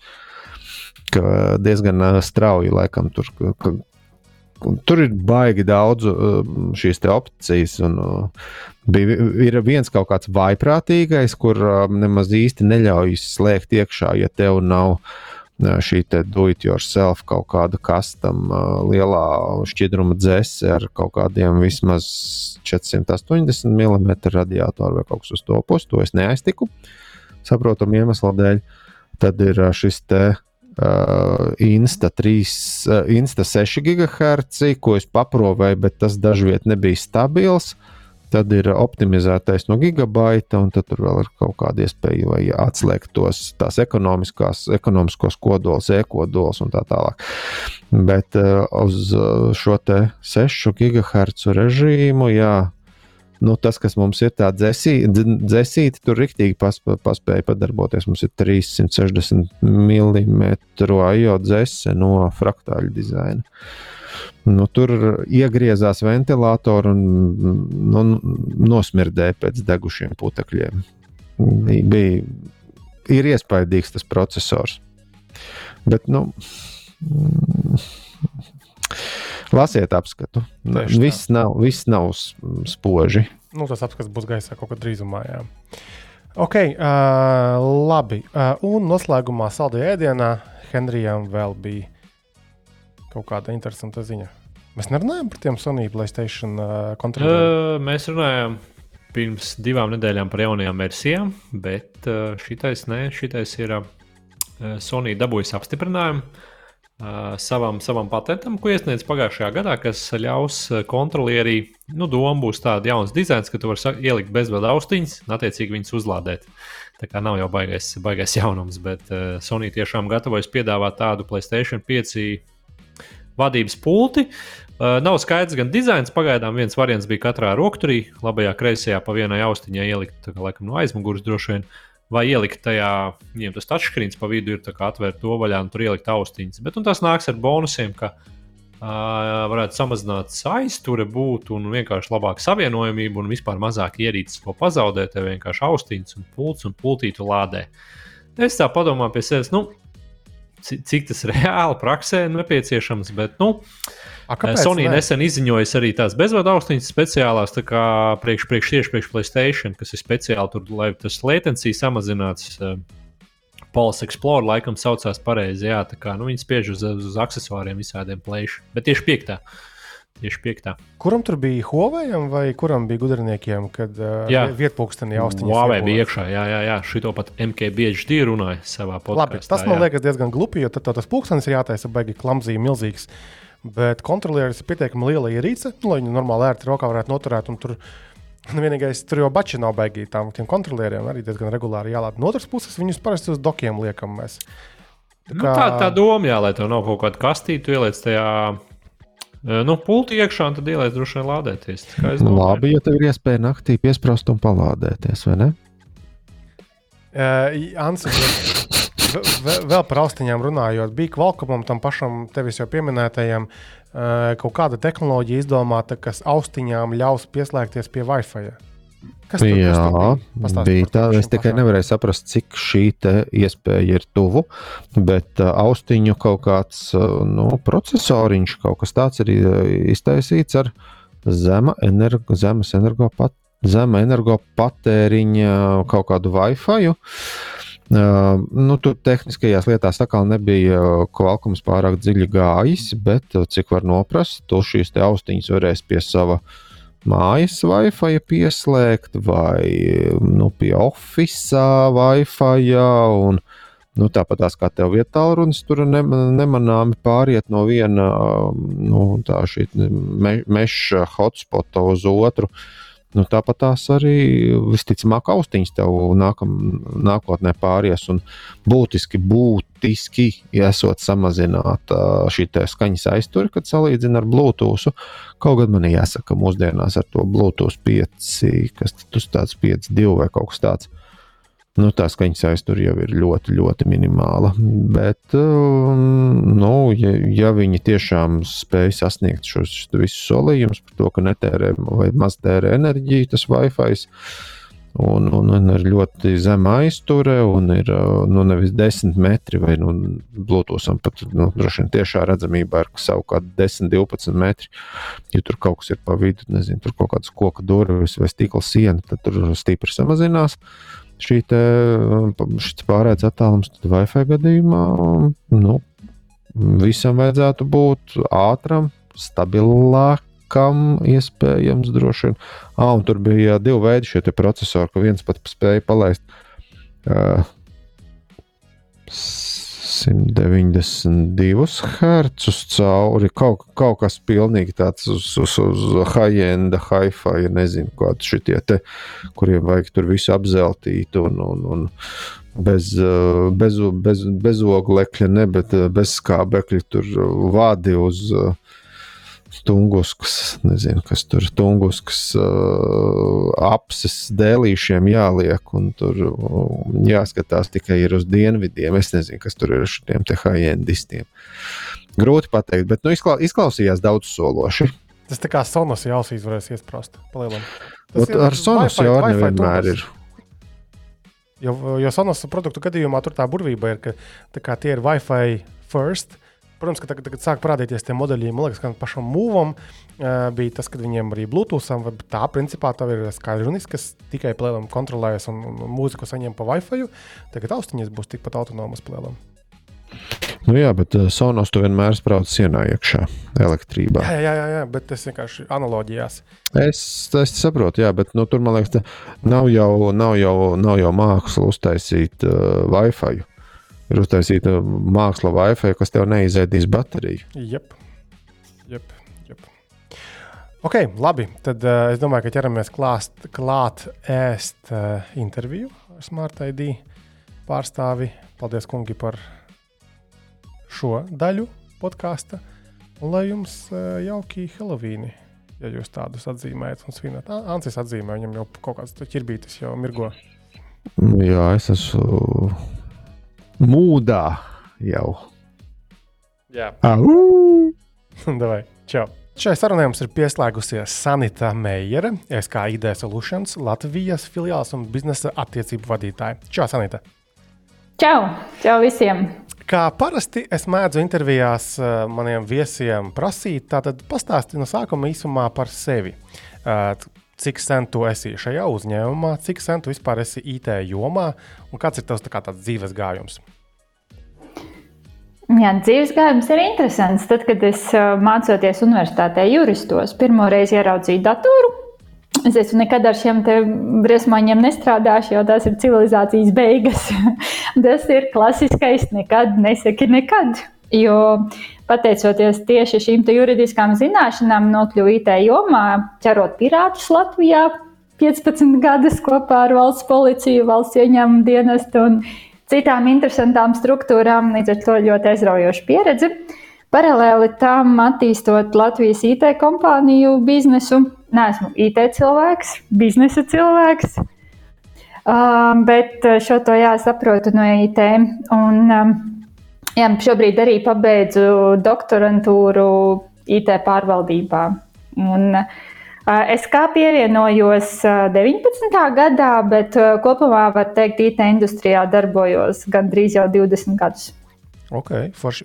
Baigi interesanti, tas, ka backgrounds tev ir uh, juridiskais. Tu minēji par pirātu ķeršanu. Tas bija kurā organizācijā vai iestādē vai uzņēmumā? Mm, ir tāda organizācija, Startautiska biznesa software alliance, kur Jāsā, atbalsta programmatūras ražotāji. Viņam lokāli ir vietējās komitejas katrā valstī. Un, nu jā, tad, kad Latvijā tā bija problēma, tad uh, gan starptautiskie uzņēmumi, gan vietējie IT spēlētāji apvienojās šeit cīņā pret pirātismu. Jā. Klausies, šeit man uzreiz ir tāds viens praktisks dabas jautājums, jo nereti gan komentāros mums kursorā uzpeld, gan arī vienkārši es, es pamanīju tādu lietu, ka ir tās mājaslapas, kas tirgo pa krietni lētākām naudaiņām, nu, tur Windows atslēdziņas un visu šo pārējo. Tas ir legāli vai tas īsti nav legāli? Jautājums, vai tiešām tas ir saka, ražotāji atbalstīts? Nē, nē, nē, nē. vispār nekāda sakara par ražotājiem. Um, nu, šeit arī eBayā kaut ko var nopirkt legāli. Ja? Par lētām naudaiņām šeit var iekrist. Ir dažādi. Nu, pa lielam tas ieteikums, ko mēs vienmēr ikvienam teicām. Ja gribās nopirkt uh, kādu programmatūru online, internetā, sazinieties ar ražotāju. Vai ražotājs ir lietas kursā, ka viņa programma tiek tirgota tādā vietnē, un vai viņš var apliecināt, ka tas ir legāls pasākums. Ja ražotāja apliecinājums ir, tad viss ir kārtībā. Ok, ļoti juridiski korekta atbilde. Bet... Jā, bet savādāk to nekādīgi nevar pārliecināties. Jo var būt online veikali, kur ir akcijas, kur patiešām uh, ir ražotāju kampaņas un var būt brīnumainas cenas. Un viņas var būt, kā saka, viss kārtībā, legāls risinājums. Bet nekad mēs nevaram iedomāties, kādi varētu būt tā, uh, ieteikumi vai vadlīnijas, kā atšķirt, uh, vai tas ir tiešām uh, kāda kampaņa vai tas ir krāpniecība. Tāpēc vienmēr ir tas aicinājums, ja ļoti gribās būt pareiziem un ja šķirties no naudas un šķirties, kā saka, iegūstot pret to zināmu vērtību, legālu programmatūru ražotāju atbalstu, tad vajag izdarīt šo darbiņu un sazināties ar ražotāju.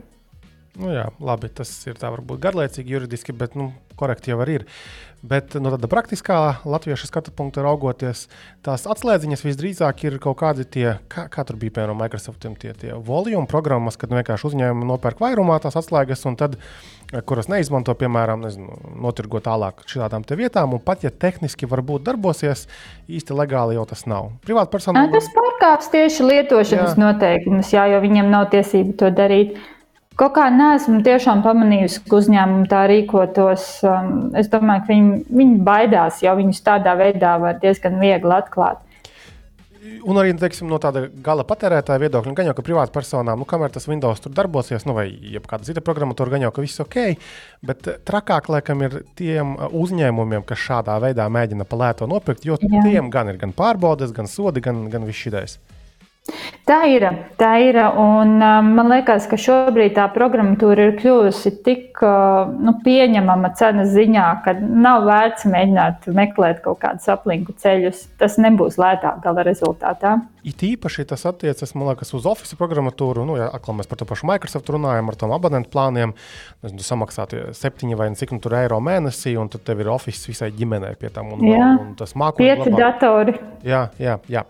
Ok, forši super, paldies, ka atbildēji arī par šo nestandarta jautājumu, ne par tēmu, bet tagad tuvāk tēmai. Tātad, eh, nu, Smart ID tas ir zīmols, tas ir produkts, ko Latvijā, es domāju, ļoti daudzi zina, bet vēl soli pirms tam tas nāk no Igaunijas. Pareizi. Ideja, Solutions, tas ir Igaunijas kompānija. Cik lieli viņi ir šobrīd? Es teiktu, ka um, uzņēmums vispār uh, varētu būt Ziemeļvalsts, jo jā, reģistrācijas vieta ir Igaunija, varbūt dēļ dažādiem um, aspektiem, bet kopumā SKID Solutions ir uzņēmums, kuru nodibināja trīs lieli spēlētāji Skandināvijā - Svetbanka, Sepbanka un Telija. Tā kā tas ir publiska akciju sabiedrība un mātes ir publiskas akciju sabiedrības. Un, um, Tā vienkārši varbūt normatīvā regulējuma pēc uh, darba spēka pieejamības specifikas pēc uh, bija izvēlēta Igaunija, bet tas teiksim, nu, ir vismaz Baltijas, ja ne Skandināvijas uzņēmums, jau darbojās visās valstīs. Opa, es nemaz nezināju. Es teiktu, ka uh, mītnes zeme nav tas izšķirošais šeit.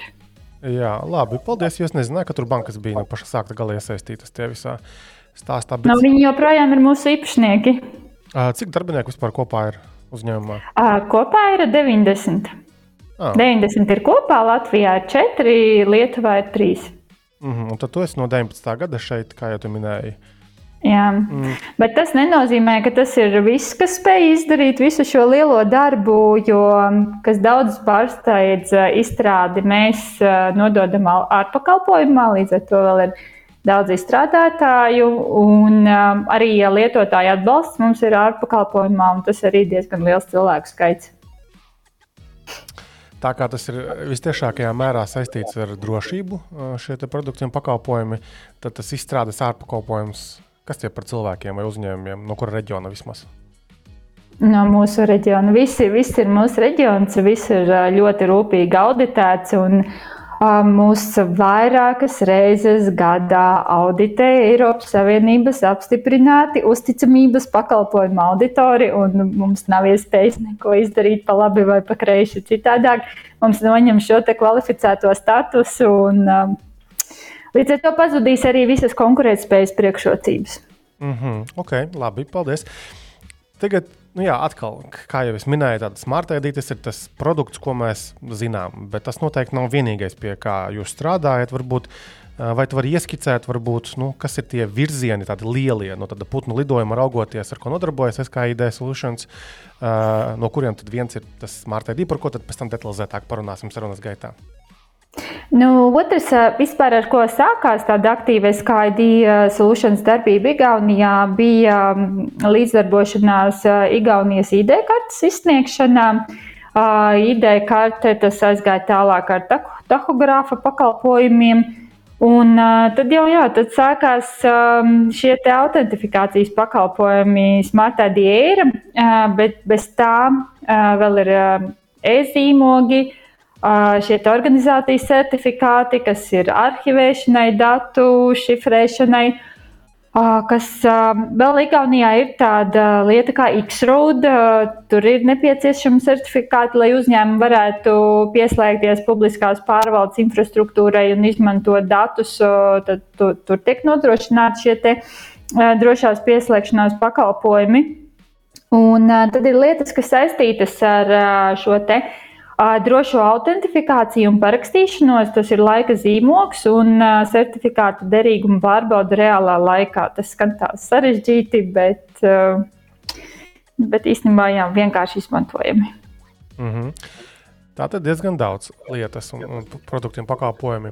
No tā visa, ko tu pieminēji un uzskaitīji tikko Latvijā, privātpersonām un uzņēmumiem, viss ir pieejams vai ir nianses tomēr?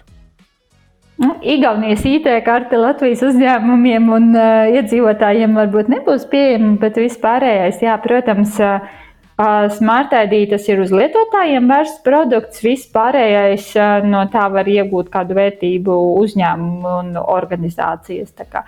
Gan laika zīmogs, gan e-zīmogi, citi organizāciju certifikāti, tas viss ir pieejams. Un, uh, klienti Latvijā to arī arvien vairāk sāk izmantot un novērtēt.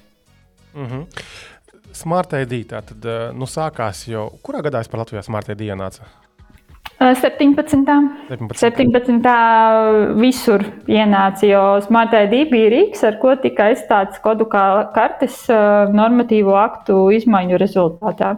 Un kuras bija pirmās bankas Latvijā? Nu, Svetbanka, tā tad. Eh, un... Svetbanka, Seibanka un Luminora. Nu, ja toreiz. Uh, Jā, labs jautājums. Acīm redzot, Nordija banka tā varēja būt vai DNB. Kaut kura no abām.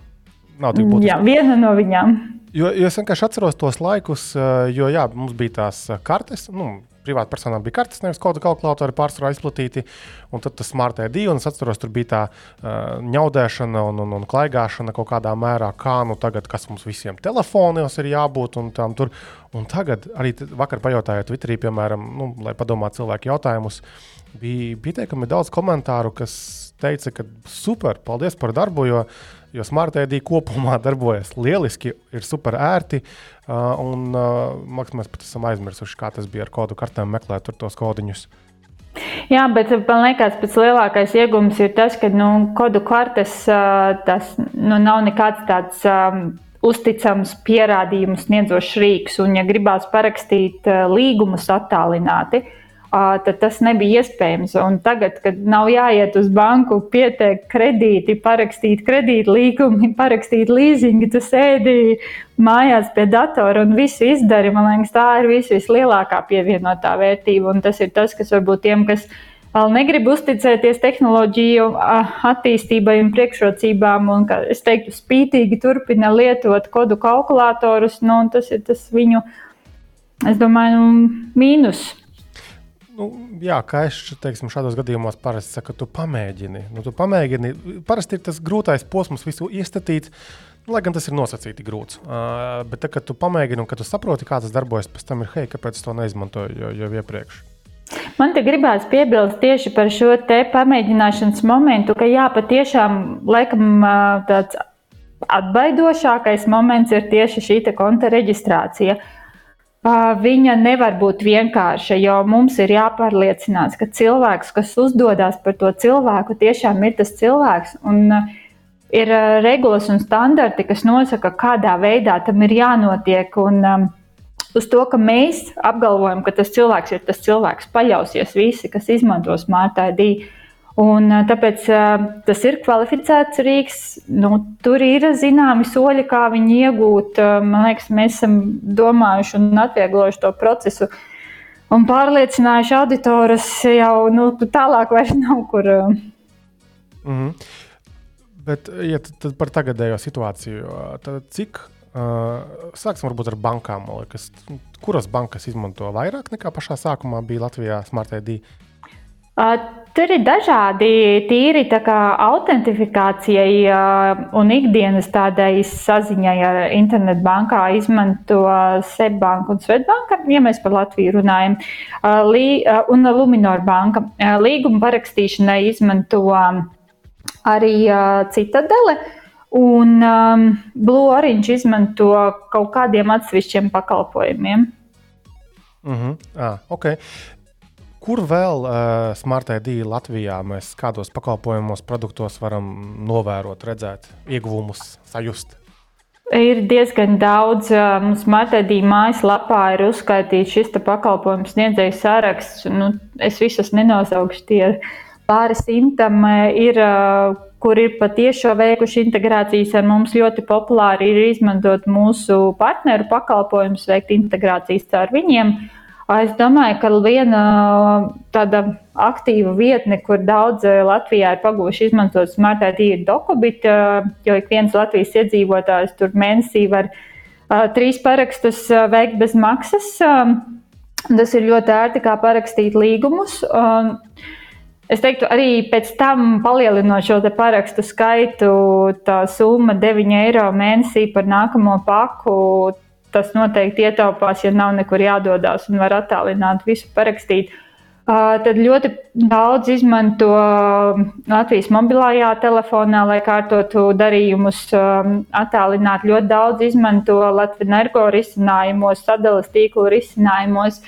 Nu, un, protams, arī šī vecuma pārbauda iegādājoties alkoholu internetā. Mm. Okay. Tas, man liekas, Covid-19 sākās. Jā. Jo tur vienā momentā baigi sāka birt šie alkohola iegādes veikali internetā. Uh, jā, es kamēr tur stāstīju, atradu arī smartphone mājaslapā. Tur tiešām pa kategorijām, pa valstīm ir sa sakategorizēts un te ir daudz to uzņēmumu. Un, uh, tiešām papētām, ja, ja, ja gribas, un atradīsim arī. Um, Jā, saraksts ir liels, par ko ir milzīgs prieks, ka drīz nāks klāt Latvija LV, valsts ieņēmuma dienas CDS. Un es saprotu, nezinu, vai Nacionālais veselības centrs integrēs patiešo vai caur Latviju LV, bet nu, arī šis strīdus jautājums Latviju, ne, veselības sistēmās, kā varēs piekļūt datiem, nu, tur arī būs mātādīta. Mm -hmm. Lielai daļai iedzīvotāji nav jāsatraucās. Mm -hmm. Tagad tāds vietā arī jautājums no, no, no auditorijas, no mūsu lasītājiem. Kā uh, es kā uh, ID solutions pelna naudu? Konkrēti, Smart ID produktu gadījumā, kas kam maksā un, un par ko tas ir? Maksā pakalpojumu sniedzēji, e-pakalpojumu sniedzēji tie, kas integrē komercstruktūras. Uzreiz, lai izslēgtu jautājumus par uh, publisko sektoru, uh, Publiskā sektora autentifikācijai mums pakalpojums ir jānodrošina bez maksas, jo Latvijas likums ir interesants ar to, ka viņš nu, saka, ka, ja tu Latvijā esi kā kvalificēts pakalpojums sniedzējs, tev publiskais sektors ir jāapkalpo bez maksas. Līdz ar to ir tāda interesanta situācija. Mums ir um, e-paraksts, e-paraksts mobile, kurš tiek uzturēts par iedzīvotāju nodokļu naudu. Un mums, kā biznesa risinājumam, ir jāapkalpo valsts bez maksas. par e-prakstu mēs vēl bišķiņ tālāk parunāsim, bet uh, jūs varat arī nepiedāvāt uh, publiskajā pusē savu pakalpojumu? Nu, Nevaram, tad mēs nebūsim kvalificēts pakalpojumu sniedzējs. Un tad jūs nevarēsiet arī piedāvāt nu, nu teiksim, nu, uzņēmumiem. Ja? Tā tas sanāk. Mēs varam piedāvāt, jā, bet uzņēmumiem arī gribās izmantot to vislabāko, un viņam patīk, kad priekšā ir vārds kvalificēts. Un, ja tu esi kvalificēts pakalpojums sniedzējs, tev ir integrācija ar iedzīvotāju reģistru, tev vienmēr ir atjaunoti dati. Tagad, pateicoties šai integrācijai, nepilngadīgie var savos telefonos izveidot uh, smart ID, nekur nedodoties ar vecāku apstiprinājumu. Un to jau ļoti daudz cilvēki kopš augusta Latvijā ir izmantojuši. Nu, līdz ar to jā, tas ir tā tāds barteris savā ziņā. Iedzīvotāja reģistra integrācija pret bezmaksas pakalpojumu valstī. Bet uh, Igaunijā un Lietuvā nav šādu nosacījumu no valsts. Ne. Tur var, var pelnīt. Uh, Igaunijā valsts ir ļoti liels klients, maksājošs Smart ID un Lietuvā arī. Hmm. Interesanti. No es domāju, ka mums tas ir, lai aizsargātu vietējo pakalpojumu sniedzēju. Mm. Es nedomāju, ka daudz uzņēmumu pasaulē būtu ar mieru milzīgu klientu apkalpot bez maksas. Nu, loģiski, protams. Bet um, tu pieminēji vairākas reizes jau šajā sarunā tādu jēdzienu kvalificēts. Uh, varbūt izskaidrot tā, uh, tā, lai es saprastu arī, uh, kas ir tie līmeņi. Jo agrāk bija zaļš, tad bija balts tas smartphone. Vismaz tā es to vizuāli uztveru, ka bija tas, tas laikam, ir tas kvalificētais vai, vai mm -hmm. mazāk kvalificētais. Pastāstiet tā vienkāršiem vārdiem, kas tas ir un, un kādas ir atšķirības. Um, vispār sāksim ar to par Smart ID. Uh, Smart ID ar zaļo fonu, ko sākumā varēja iegūt uh, ar internetbankas palīdzību, vēl ar kodu kartes palīdzību, arī nekur nedodoties. Uh, tas ir tas um, Eidas regulas izpratnē advanced līmenis. Eidas regula ir Eiropas Savienības dokuments, kas ir regula, kā tas ir tieši piemērojams dokuments katrā dalībvalstī. Tas nozīmē, to, ka viņi nosaka šos uzticamības līmeņus. Ir basic pamata, ir advanced, jeb nu, tas uzlabotais, un tad ir kvalificētais līmenis, jeb nu, high augstais līmenis. Uh, Mēs tautas valodā savu zaļo smartēdī saucam par basic, bet nu, tā atkal dokumentu izpratnē viņš ir uzlabotais līmenis. Ja? Tā kā tur tā tautas valoda un juridiskie termini negāja kopā. Tad mums ir tas uzlabotais līmenis un augstākais līmenis. Baltais ir augstākais līmenis, kas ir iegūts pārbaudot cilvēku identitāti klātienē, tad banka to izsniedza, vai ar tādu metodi, kas ir pielīdzināma klātienē. Tas ir vai nu šī biometriskā identifikācija, ja cilvēks jau ir bijis pārbaudīts klātienē, smartphone lietotājs, vai ar IID karti, jo IID karti cilvēkam arī izsniedz tikai klātienē, PMLP iestādē. Tas ir runājot par smartphone, tas zaļais ir šis te uzlabotais, baltais ir kvalificētais. Praktiski Latvijā teiksim, tā, pieaugušiem cilvēkiem, pilngadīgajiem, ļoti maz ir palicis zaļo lietotāju skaits, ja vispār. Pārsvarā tie vēl ir nepilngadīgie, kam ir zaļais smart ID. Mums ir 900 tūkstoši šo kvalificēto lietotāju, kas ir vairāk nekā puse no mūsu iedzīvotājiem. Baltijā. Jā, Latvijā, Latvijā. Latvijā ir 900 tūkstoši. Wow, tas ir ārkārtīgi tas daudz. Tas ir super. Bet tagad par tām iespējām, piemēram, ja nu, nezinu, mums telefonā vēl ir tas zaļais uh, smart ID uh, līmenis, a, ko mēs nevaram izdarīt? Kam ir nepieciešams baltais? Ar zaļo var pieslēgties tikai bankās, nekur citur. Nevar parakstīt dokumentus, nevar pieslēgties citiem pakalpojumu sniedzējiem, jo bankas uzņemās to risku. Viņi Mm, nu, mēs nesakām, ka tas cilvēks tiešām ir tas cilvēks. Bankas uh, pieļauj to risku, ka tas var nebūt arī tas cilvēks. Vienkārši tas tiek izmantots um, līdz zināmam riska darījuma apstiprināšanai. Uh, savukārt, uh, iegūt kvalificēto, ja ir zaļais un ja ir vietālu runas ar NFC funkciju, ir ļoti vienkārši. Vienkārši nospiež uh, konta šī te uh, paaugstinātā līmeņa iegūšanu un veikt šo pašu biometrisko identifikāciju. Un, tāpat nekur ne, nedodoties iegūst uh, baltos mētādī. Mm -hmm. okay, tad, tad šito rezumējot, bloku var teikt, ka dāmas un kungi, taisām telefonā, ja vēl nav to balto. Tad, tas, tad mēs varēsim pilnībā izmantot teiksim, šīs iespējas. Šī mm -hmm.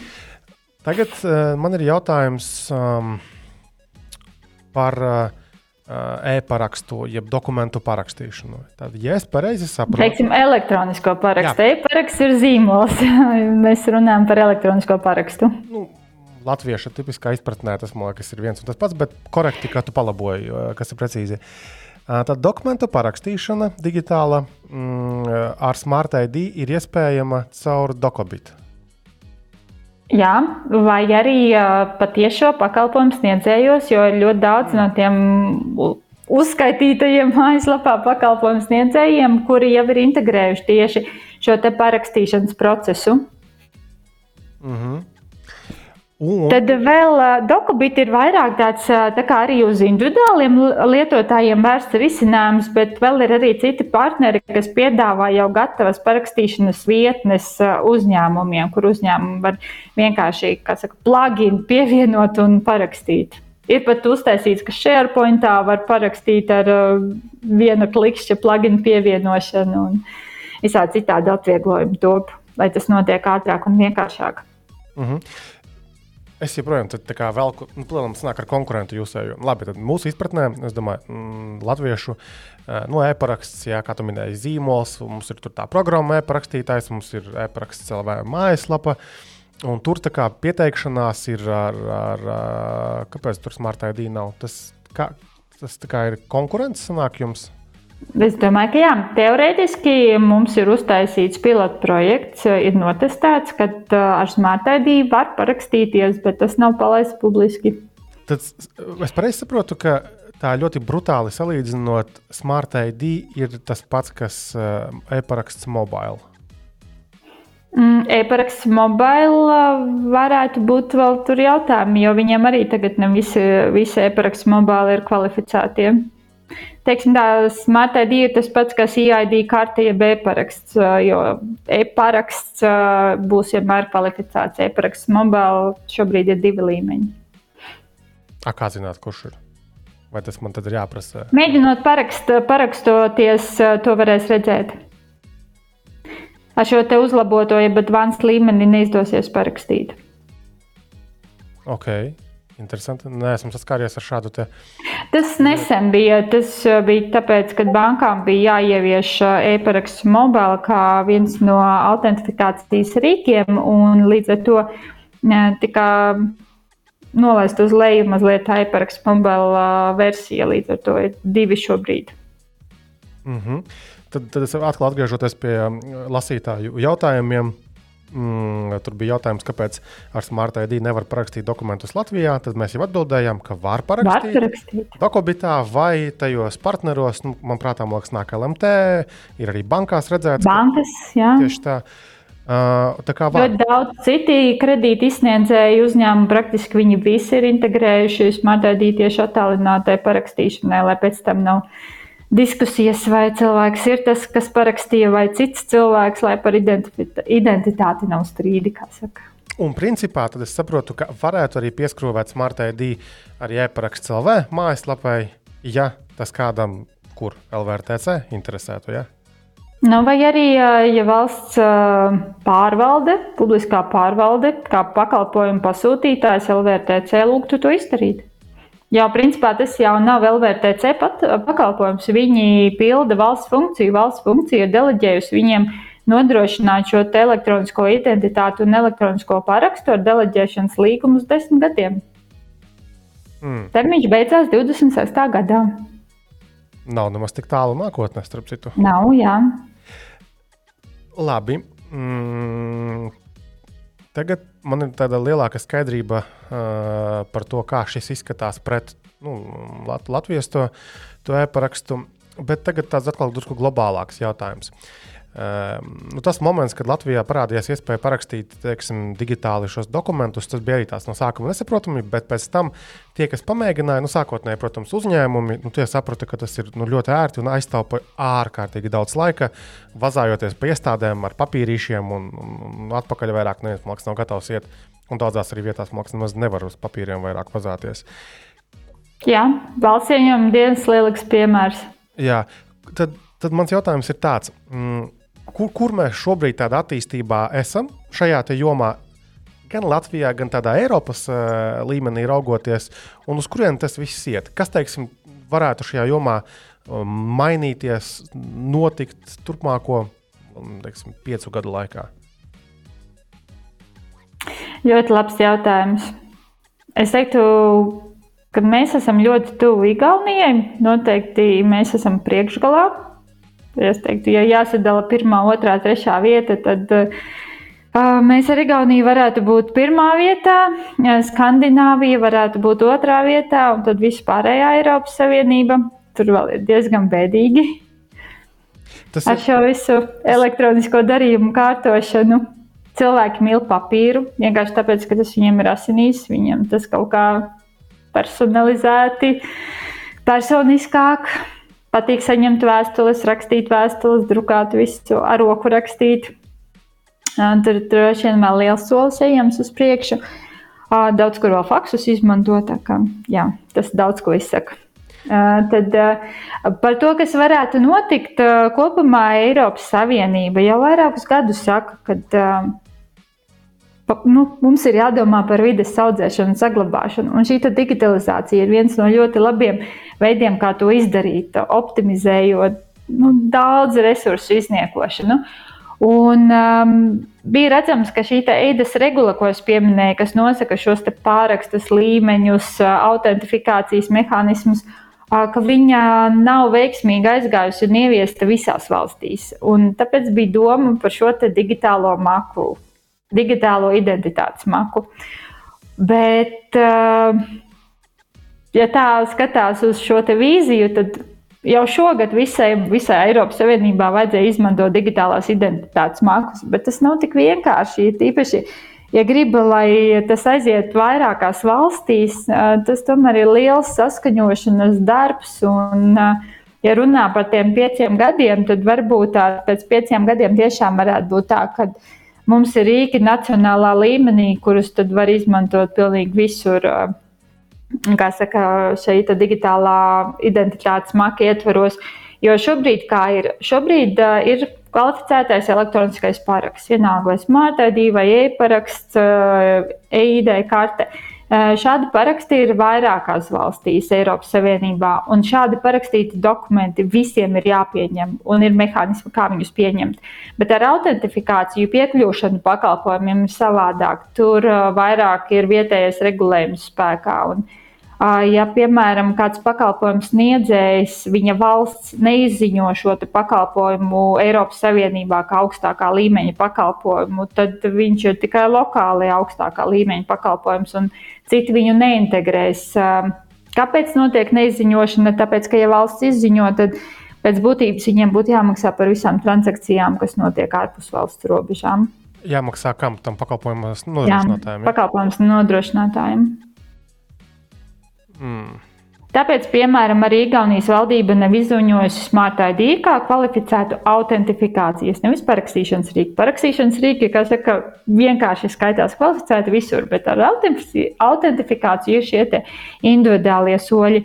Un līdz ar to, ja mēs gribam būt citās valstīs, izņemot Igauniju kā kvalificēts rīks, mums tas status ir jāiegūst uh, lokāli ir tādi ka uzņēmumi, kas ir ieguvuši vai nu visā Eiropā, vai kaut kādā daļā Eiropas, vai nav? nav tas nē, vēl... privātu, nē, nē, nav. Mm, bet tātad, tas, ko tu minēji ar dokumentiem, tad tur ir kaut kas kārtībā. Respektīvi, Jā. piemēram, mēs um, ar to drošu digitālo parakstu parakstām dokumentu Latvijā, un tad jebkurā citā Eiropas Savienības valstī būtu jāuztver tāpat, kā es būtu par rociņu parakstījis. Precīzi, un tā tas arī notiek. Bija ļoti interesanta pieredze. Uh, savu startup piedzīvojumu laikā mēs atvērām uh, Polijā uzņēmumu, lai iegūtu polijas grantu. Un, uh, pie atvēršanas tiek izsniegts poļu elektroniskais paraksts, kas nav kvalificētā līmeņa. Viņiem ir šis te advanced līmeņa, jeb paaugstinātās drošības, bet nevis visaugstākās. Un uh, parakstoties ar to parakstu poļu iestādes dokumentus pretim nepieņem, bet tagad uzliec uh, Smart ID vai IAID kartes parakstu dokuments tiek pieņemts. Tā kā tas strādā. Tad es pareizi saprotu, ka vispār visa šī joma vairāk ir juridiska, nevis tehniska. Abi viens Abi bez otra tomēr, ne? neiztikt, tāpēc tehniskie standarti un prasības, kas tiek pārbaudīts, tas ir ļoti, ļoti smags sloks. Par drošību runājot, mm, bija arī tāds labs jautājums uh, no viena no lasītājiem. Uh, a, kur tad glabājas dati? Latvijā, Igaunijā, kaut kur citur? Es domāju, lietotāju dati, teiksim, kontu informācija, nezinu, kā viņi tur piesakās, kur piesakās, kur tas viss glabājas. Igaunijā. Un likumdošana pieļauj to, ja? Mūsu Jā. domāju. Mhm. Eiropas Savienībā viss var notikt. Jebkurā Eiropas Savienības valstī. Jā, Igaunija, es kā varētu izman, izdomāt, ka viņi grib glabāt Somijā, un tas ir ok. Mums būtu, protams, atkal jāauditē Somijas pakalpojumu sniedzējs, jāpārbauda, bet uh, tā varētu būt. Tu pieminēji vairākas reizes šo auditēšanu. Uh, tad kas tie par auditiem ir? Uh, kas ir auditori un ar kādu regularitāti? Kā tad tiek nodrošināts tas, ka nemainīgi drošs ir šis produkts, pakalpojums? Tad Eiropas Savienībā ir apstiprināti auditoru biroji, kāds viņus ir pārbaudījis, kuriem uzticās un kuri var dot šo slēdzienu, vai pakalpojums sniedzējs atbilst kvalificētam līmenim vai neatbilst. Un šie auditi ir gadēji un obligāti Tas auditoru saraksts ir un prasa neizmērojams resursus. Viens audits ilgs divus mēnešus. Tie, tie auditori publiski ir zināmi kompānijas. Viens, nu, ar ko mēs sadarbojamies jau ilgstošus gadus, ir TUVIT. Ļoti populārs Austrijas, Vācijas uzņēmums. Uh -huh. okay. Bet Latvijā arī ir auditori, kas var kvalificēt, kas var auditēt uz kvalificēto statusu. Latvijā lokāli mēs izmantojām Latvijas auditoru. un, un tad kas šajā auditā tiek pārbaudīts? Nu, es domāju, lielos, varbūt vilcienos tādos. Tehniskais risinājums, atbilstība prasībām un standartiem, procesi, iesaistīti ārpakalpojumu sniedzēji, izsniedzēji iestādes. Tā kā, tā kā Smart ID var iegūt klātienē arī bankās, tad bankas tiek pārbaudītas, kā viņi izsniedz šo te, kā process notiek, kā mēs apkalpojam lietotājus, kā mūsu zvanu centri strādā. Praktiski viss, ka visa šī te, teiksim tā, piegādes ķēde.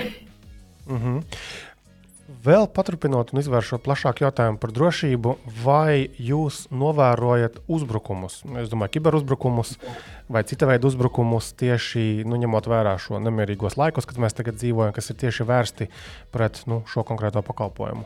Ja runā par uzbrukumiem tieši mums, tad ir bijuši daži dēļas uzbrukumi, bet mums ir ļoti labi šeit pakalpojumu sniedzēji Telija, kas ā, ārkārtīgi veiksmīgi tika galā. Es teiktu, nu, mēs kā lietotāji to pat nepamanījām. Bet nu, ir citi uzņēmumi, kuriem uzbruk nesalīdzinām vairāk. Īpaši es domāju, nu, ka visinteresantāk ir tieši publiskā sektora iestādes un, un kredīti iestādes. Okay, tas, ko saka, kad, nu, kad, kad ir bijuši uzbrukumi un ka par to ir domāts un, uh, un, un, un tā.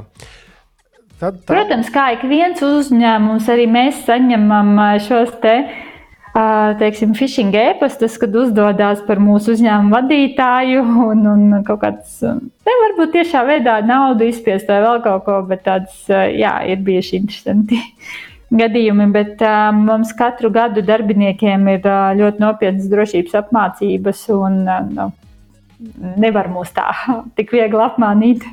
mm, tepat blakus ir jautājums arī par uh, nu, krāpniekiem. Jo, nu, es pats esmu lasījis arī par gadījumiem, kad nu, mēģina. Šeit jau runa ir, eh, kad eh, jūsu gala lietotājus, klientus mēģina piečakarēt, apčakarēt, lai viņi tātad apstiprina savus šos pieprasījumus. Tātad jautājums ir tāds, vai tā ir būtiska problēma, un kādi varbūt būtu tavi ieteikumi nu, mums, parastiem smartphone lietotājiem, vai īpašiem lietotājiem, es domāju, cilvēkiem, eh, lai neuzķertos uz eh, kaut kādiem šādiem krāpnieku mēģinājumiem, izkrāpt eh, atļauju piekļūt servisiem mūsu vārdā. Vat Tā laikam būtu pareizi teikt. Jā, man grūti pateikt par kopējo lietotāju skaitu un transakciju skaitu, vai tas procents, kas kļūst par krāpnieku upuriem, ir patiešām būtisks. Bet, jebkurā gadījumā, man ir žēl, ka tādas situācijas notiek tīri cilvēciski. Un, um, nu jā, es nesaprotu, kā, nu, tiešām nevar iedomāties, kā cilvēki var tā noticēt un padoties tam spiedienam. No sākuma bija vispār vienkārši. Šie krāpnieki darbojās līdz šim gadam, es teiktu, tikai krievu valodā. Un tad eh, nu, bija nu, visur, kur iespējams tika runāts, CERT runāja, policija runāja, mēs runājām. Nu, Saprotiet, ja runā krieviski ar jums un uzdodas par Latvijas organizācijas pārstāvu, tas jau ir pirmais, eh, kad uh, tas nav kārtībā. Nu, kāpēc cilvēki tik ļoti notic tam? Un, un, jā, tur ir tie sociālās inženierijas paņēmieni, spiediens, manipulācija, nepiemērots laiks, visi tie stāsti, lai iežēlinātu vai kā, kā labāk pateikt. Nu, manipulēt. Nu, neļautu cilvēkam domāt līdzi. Un, um, Bet tagad šie krāpnieki ir sapratuši, ka tas ir ļoti veiksmīgs bizness, un tas jau notiek tagad latviešu valodā. Un, uh, policija nesen ir aizvērusi divus šādus zvanu centrus. Vienu Latvijā, vienu ārpus Latvijas, kur uh, latviešu tika veikti sniegt šādi pakalpojumi. Un, uh, nu, tas atkal uz ieteikums, ko vienīgais varu ieteikt, kā sevi pasargāt nu, nedarīt lietas automātiski, pievērst uzmanību tam, kas tiek runāts, kas tiek stāstīts. Uh, likt klausuli nost vispār. Ja kāds zvana no pakalpojumu sniedzējiem, nu vienkārši neinteresēties ne par ko, nolieciet klausuli un atzvaniet tam pakalpojumu sniedzējiem uz citu internetā atrastu oficiālā mājaslapā telefonu numuru. Nevajag zvanīt uz to pašu atpakaļ. Un pašiem pajautāt, vai tāds zvans vispār ir bijis. Nu, šobrīd ik viens nopietns pakalpojums sniedzējs veids zvanu reģistru un ierakstus. Nu, viņi varēs pateikt, zvaniet no viņu vārdā vai nē.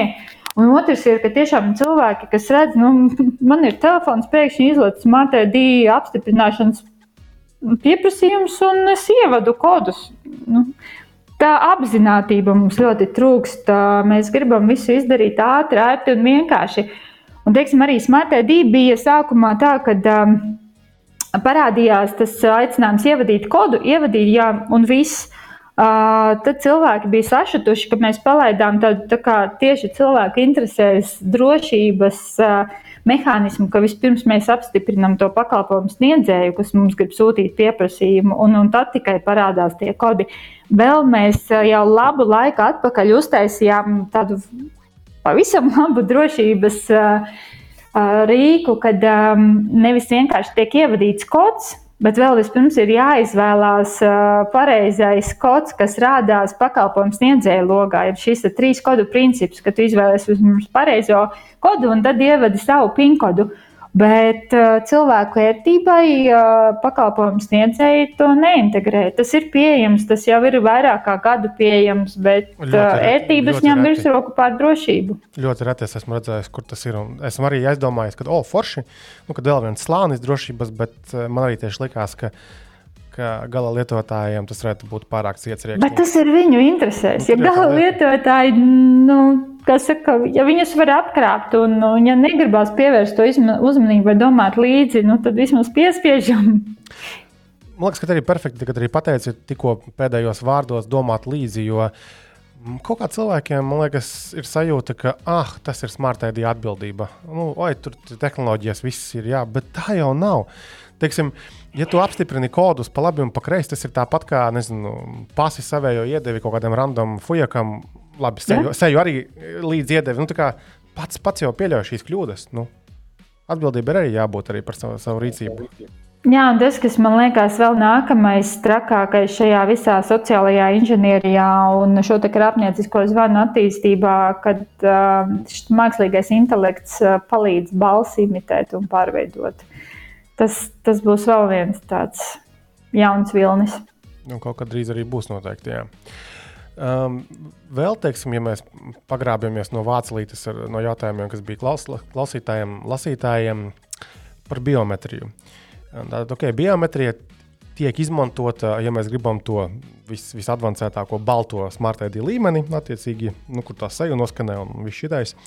Uh, bet cilvēkiem bija jautājums, uh, kāpēc visu laiku jābakst iekšā tie kodi ar rociņām, kāpēc nevarētu izmantot Face ID, kas ir telefonā vai, vai Android pusē kaut kur. Tāpēc, ka tas nav pietiekami droši, tad mēs pazaudējam kvalificēto līmeni. Votas, Bankas to izmanto, tāpēc, ka viņi to izmanto zemāka riska darījumiem. Kad ir augstāka riska darījumi, tos vairs nevar izmantot biometriju.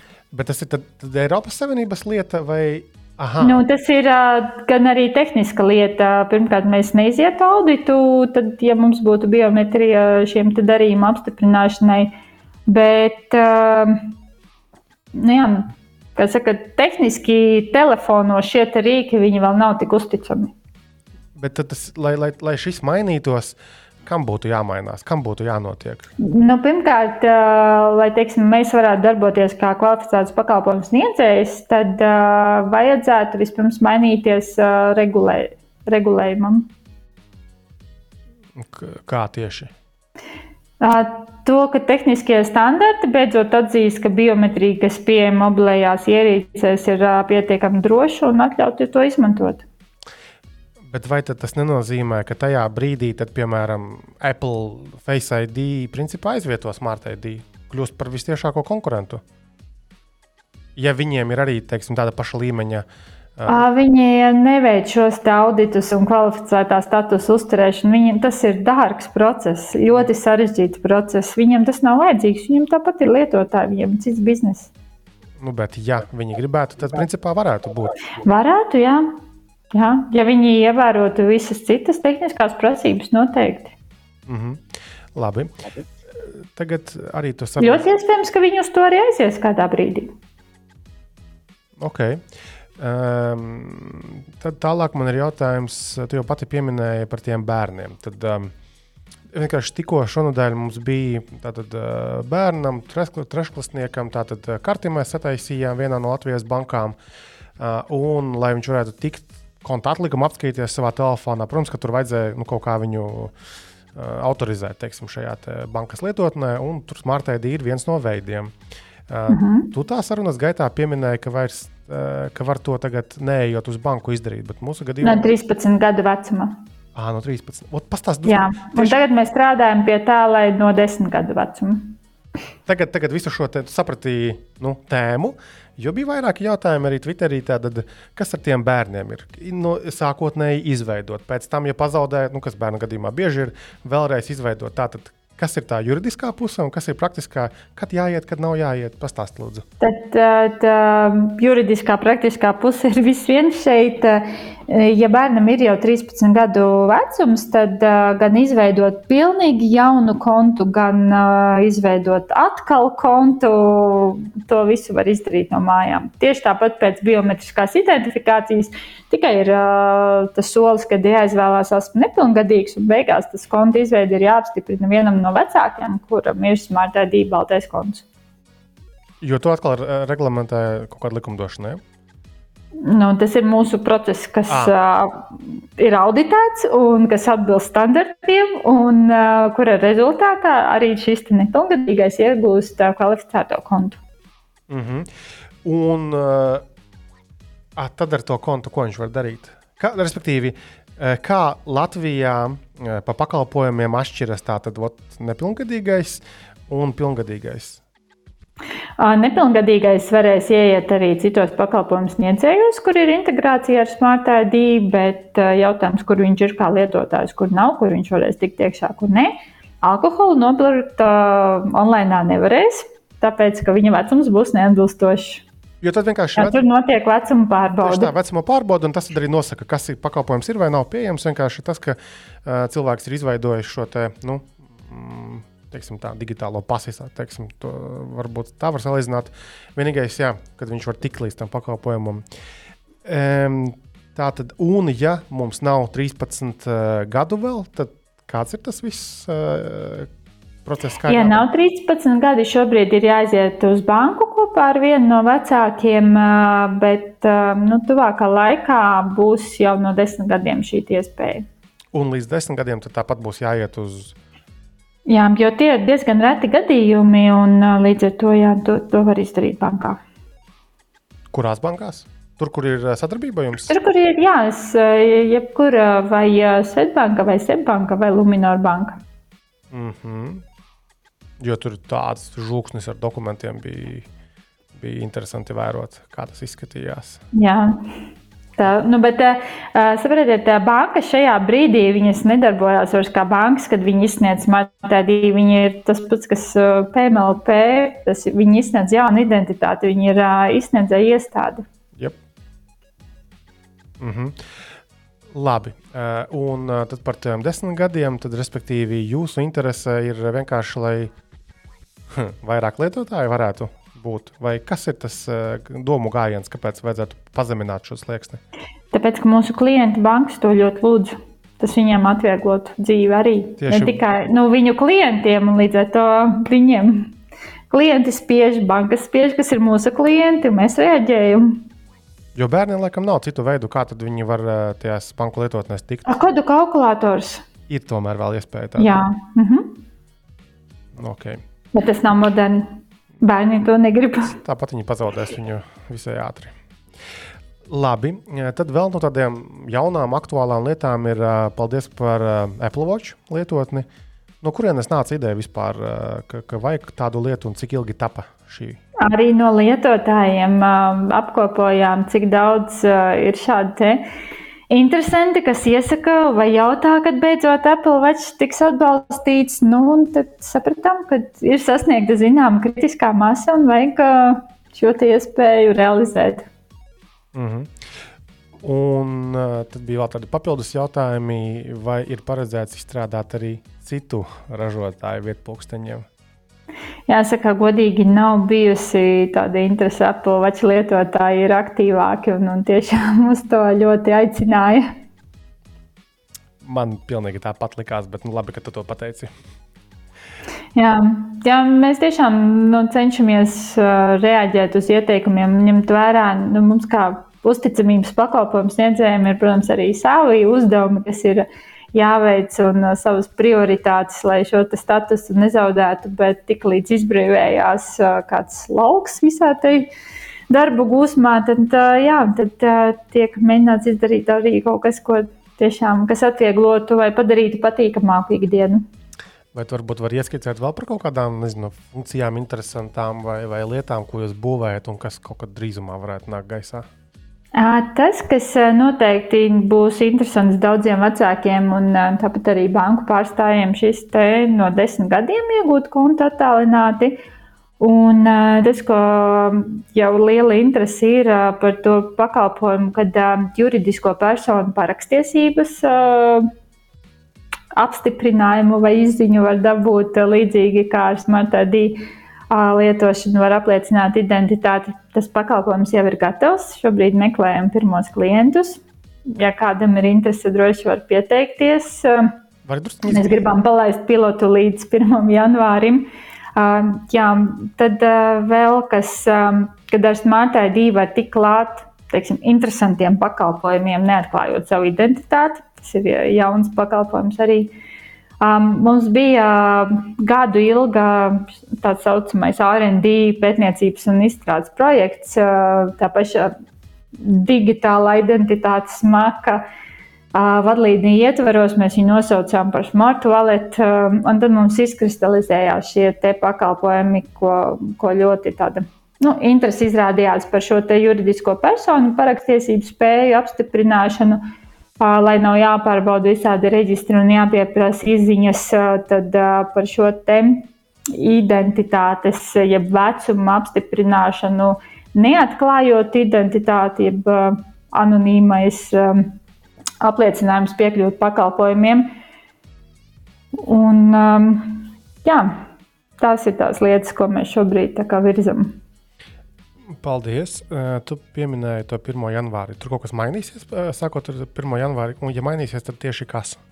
Tā kā mēs paši esam sev nosprieduši mērķi, mēs gribam šo mērķi izpildīt, un līdz ar to tam pirmajam pilota klientam noteikti būs īpaši nosacījumi. Bet nav tā, ka kaut kas Eiropas Savienībā mainās. Nē, nē, nē, tas ir mūsu tāds paša nosprausts sev mērķis. Nu, kā ik viens uzņēmums definē sev gada mērķus. Nu, mēs gribam atrast klientu jaunam pakalpojumam. Ok, labi. Jā, un trešā lieta, kas mums ir tas saucamais OpenID Connect, kas ir līdzīgi kā dokubit risinājums, kad var šo integrēt un ātrāk iegūt iespēju izmantot Smart ID vai parakstīšanās funkciju. Mm -hmm. Labi. Labi. Lai viss izdodas ar šiem featuriem un, un jaunumiem. Un tad noslēgumā tāds varbūt nezinu, filozofiskāks jautājums. Kāds ir tavs skatījums uz nu, e-vēlēšanām? Vai to vajag darīt digitāli, nestaigājot apkārt un biļeteniņus nemēt, nemētājot papīra urnās? Nu, galu galā kompānija nāk no Igaunijas, kur tas tiek darīts. Kāds ir tavs skatījums? Vai mums Latvijā to vajag? Es laikam šeit būšu konservatīvās Eiropas pusē, kas teiks, ka to nevajag.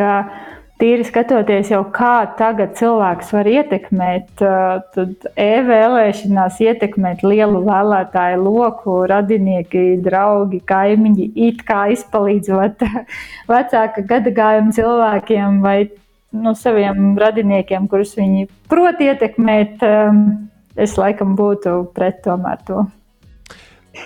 Un, teiksim, kā, man liekas, ka manā izpratnē tā tēma ir nu, pietiekami sarežģīta. Sastāv no dažādām nu, komponentēm. Un, nu, tu tagad smuki apraksturoji teiksim, to pašu gala nu, lietotāju problēmu. Jā. Sociālā inženierija arī, kad, kad ietekmē. Uh, tas posms, tātad, nu, mm, autentifikācijas nu, vai arī autorizācijas. Lai, lai tiktu līdz tam pakalpojumam, teiksim, kas ir e-vēlēšanas, piemēram, tas jau droši taču ir. Nu, tur, nu, tas tāpat kā darbojas tagad, tas pats e-paraksts vai, vai smart ID. Tur nav problēma. Problēma tad ir pašā beigās. Un pašā um, sākumā. Es neesmu tehnoloģisks eksperts, bet es esmu lasījusi citu ekspertu vērtējumus, atzinumus. Un, uh, Mani var, protams, kritizēt par to viedokli, bet uh, mana pārliecība ir tāda, ka, uh, protams, jautājums ir, cik daudz līdzekļus kāds ir gatavs un laika investēt, bet uh, pie pašreizējām iespējām e-vēlēšanās ātrāk vai vēlāk ir iespējams savilkt, kas par ko ir balsojis. Mm -hmm. Nu, skaidrs, tad tur vēl ir, ir, ir ko. Bet kā par pašu Igauni? Viņi turpina taču Viņiem ir abi formāti, gan e-vēlēšanas, gan papīra formāts. Un, uh, vai tur ir izkristalizējušies kaut kādi atzinumi, atziņas, uh, ka tas darbojas vai nedarbojas, vai ka jāslēdz ciet? Kā, ko tu dzirdēji? No Igauni ir izcili marketētāji. Viss ir super. Pat ja nedarbojas tik labi, kā gribētos, viss ir super. Ja? Viss ir labi, jā. Ja viņi kaut ko ievieš, viņi to arī ļoti popularizē un aizstāv.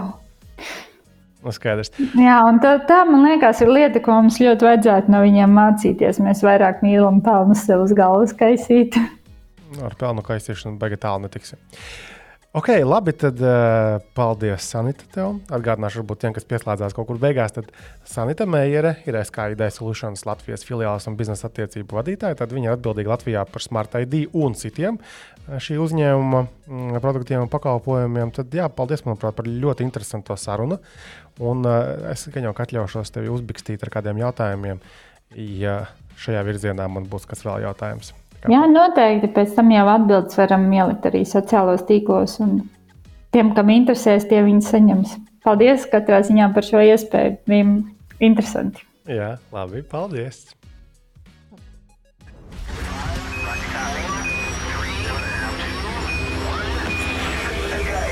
ko kursors tev neraksta. Regulārs tehnoloģiju podkāsts kopā ar Cursors LV.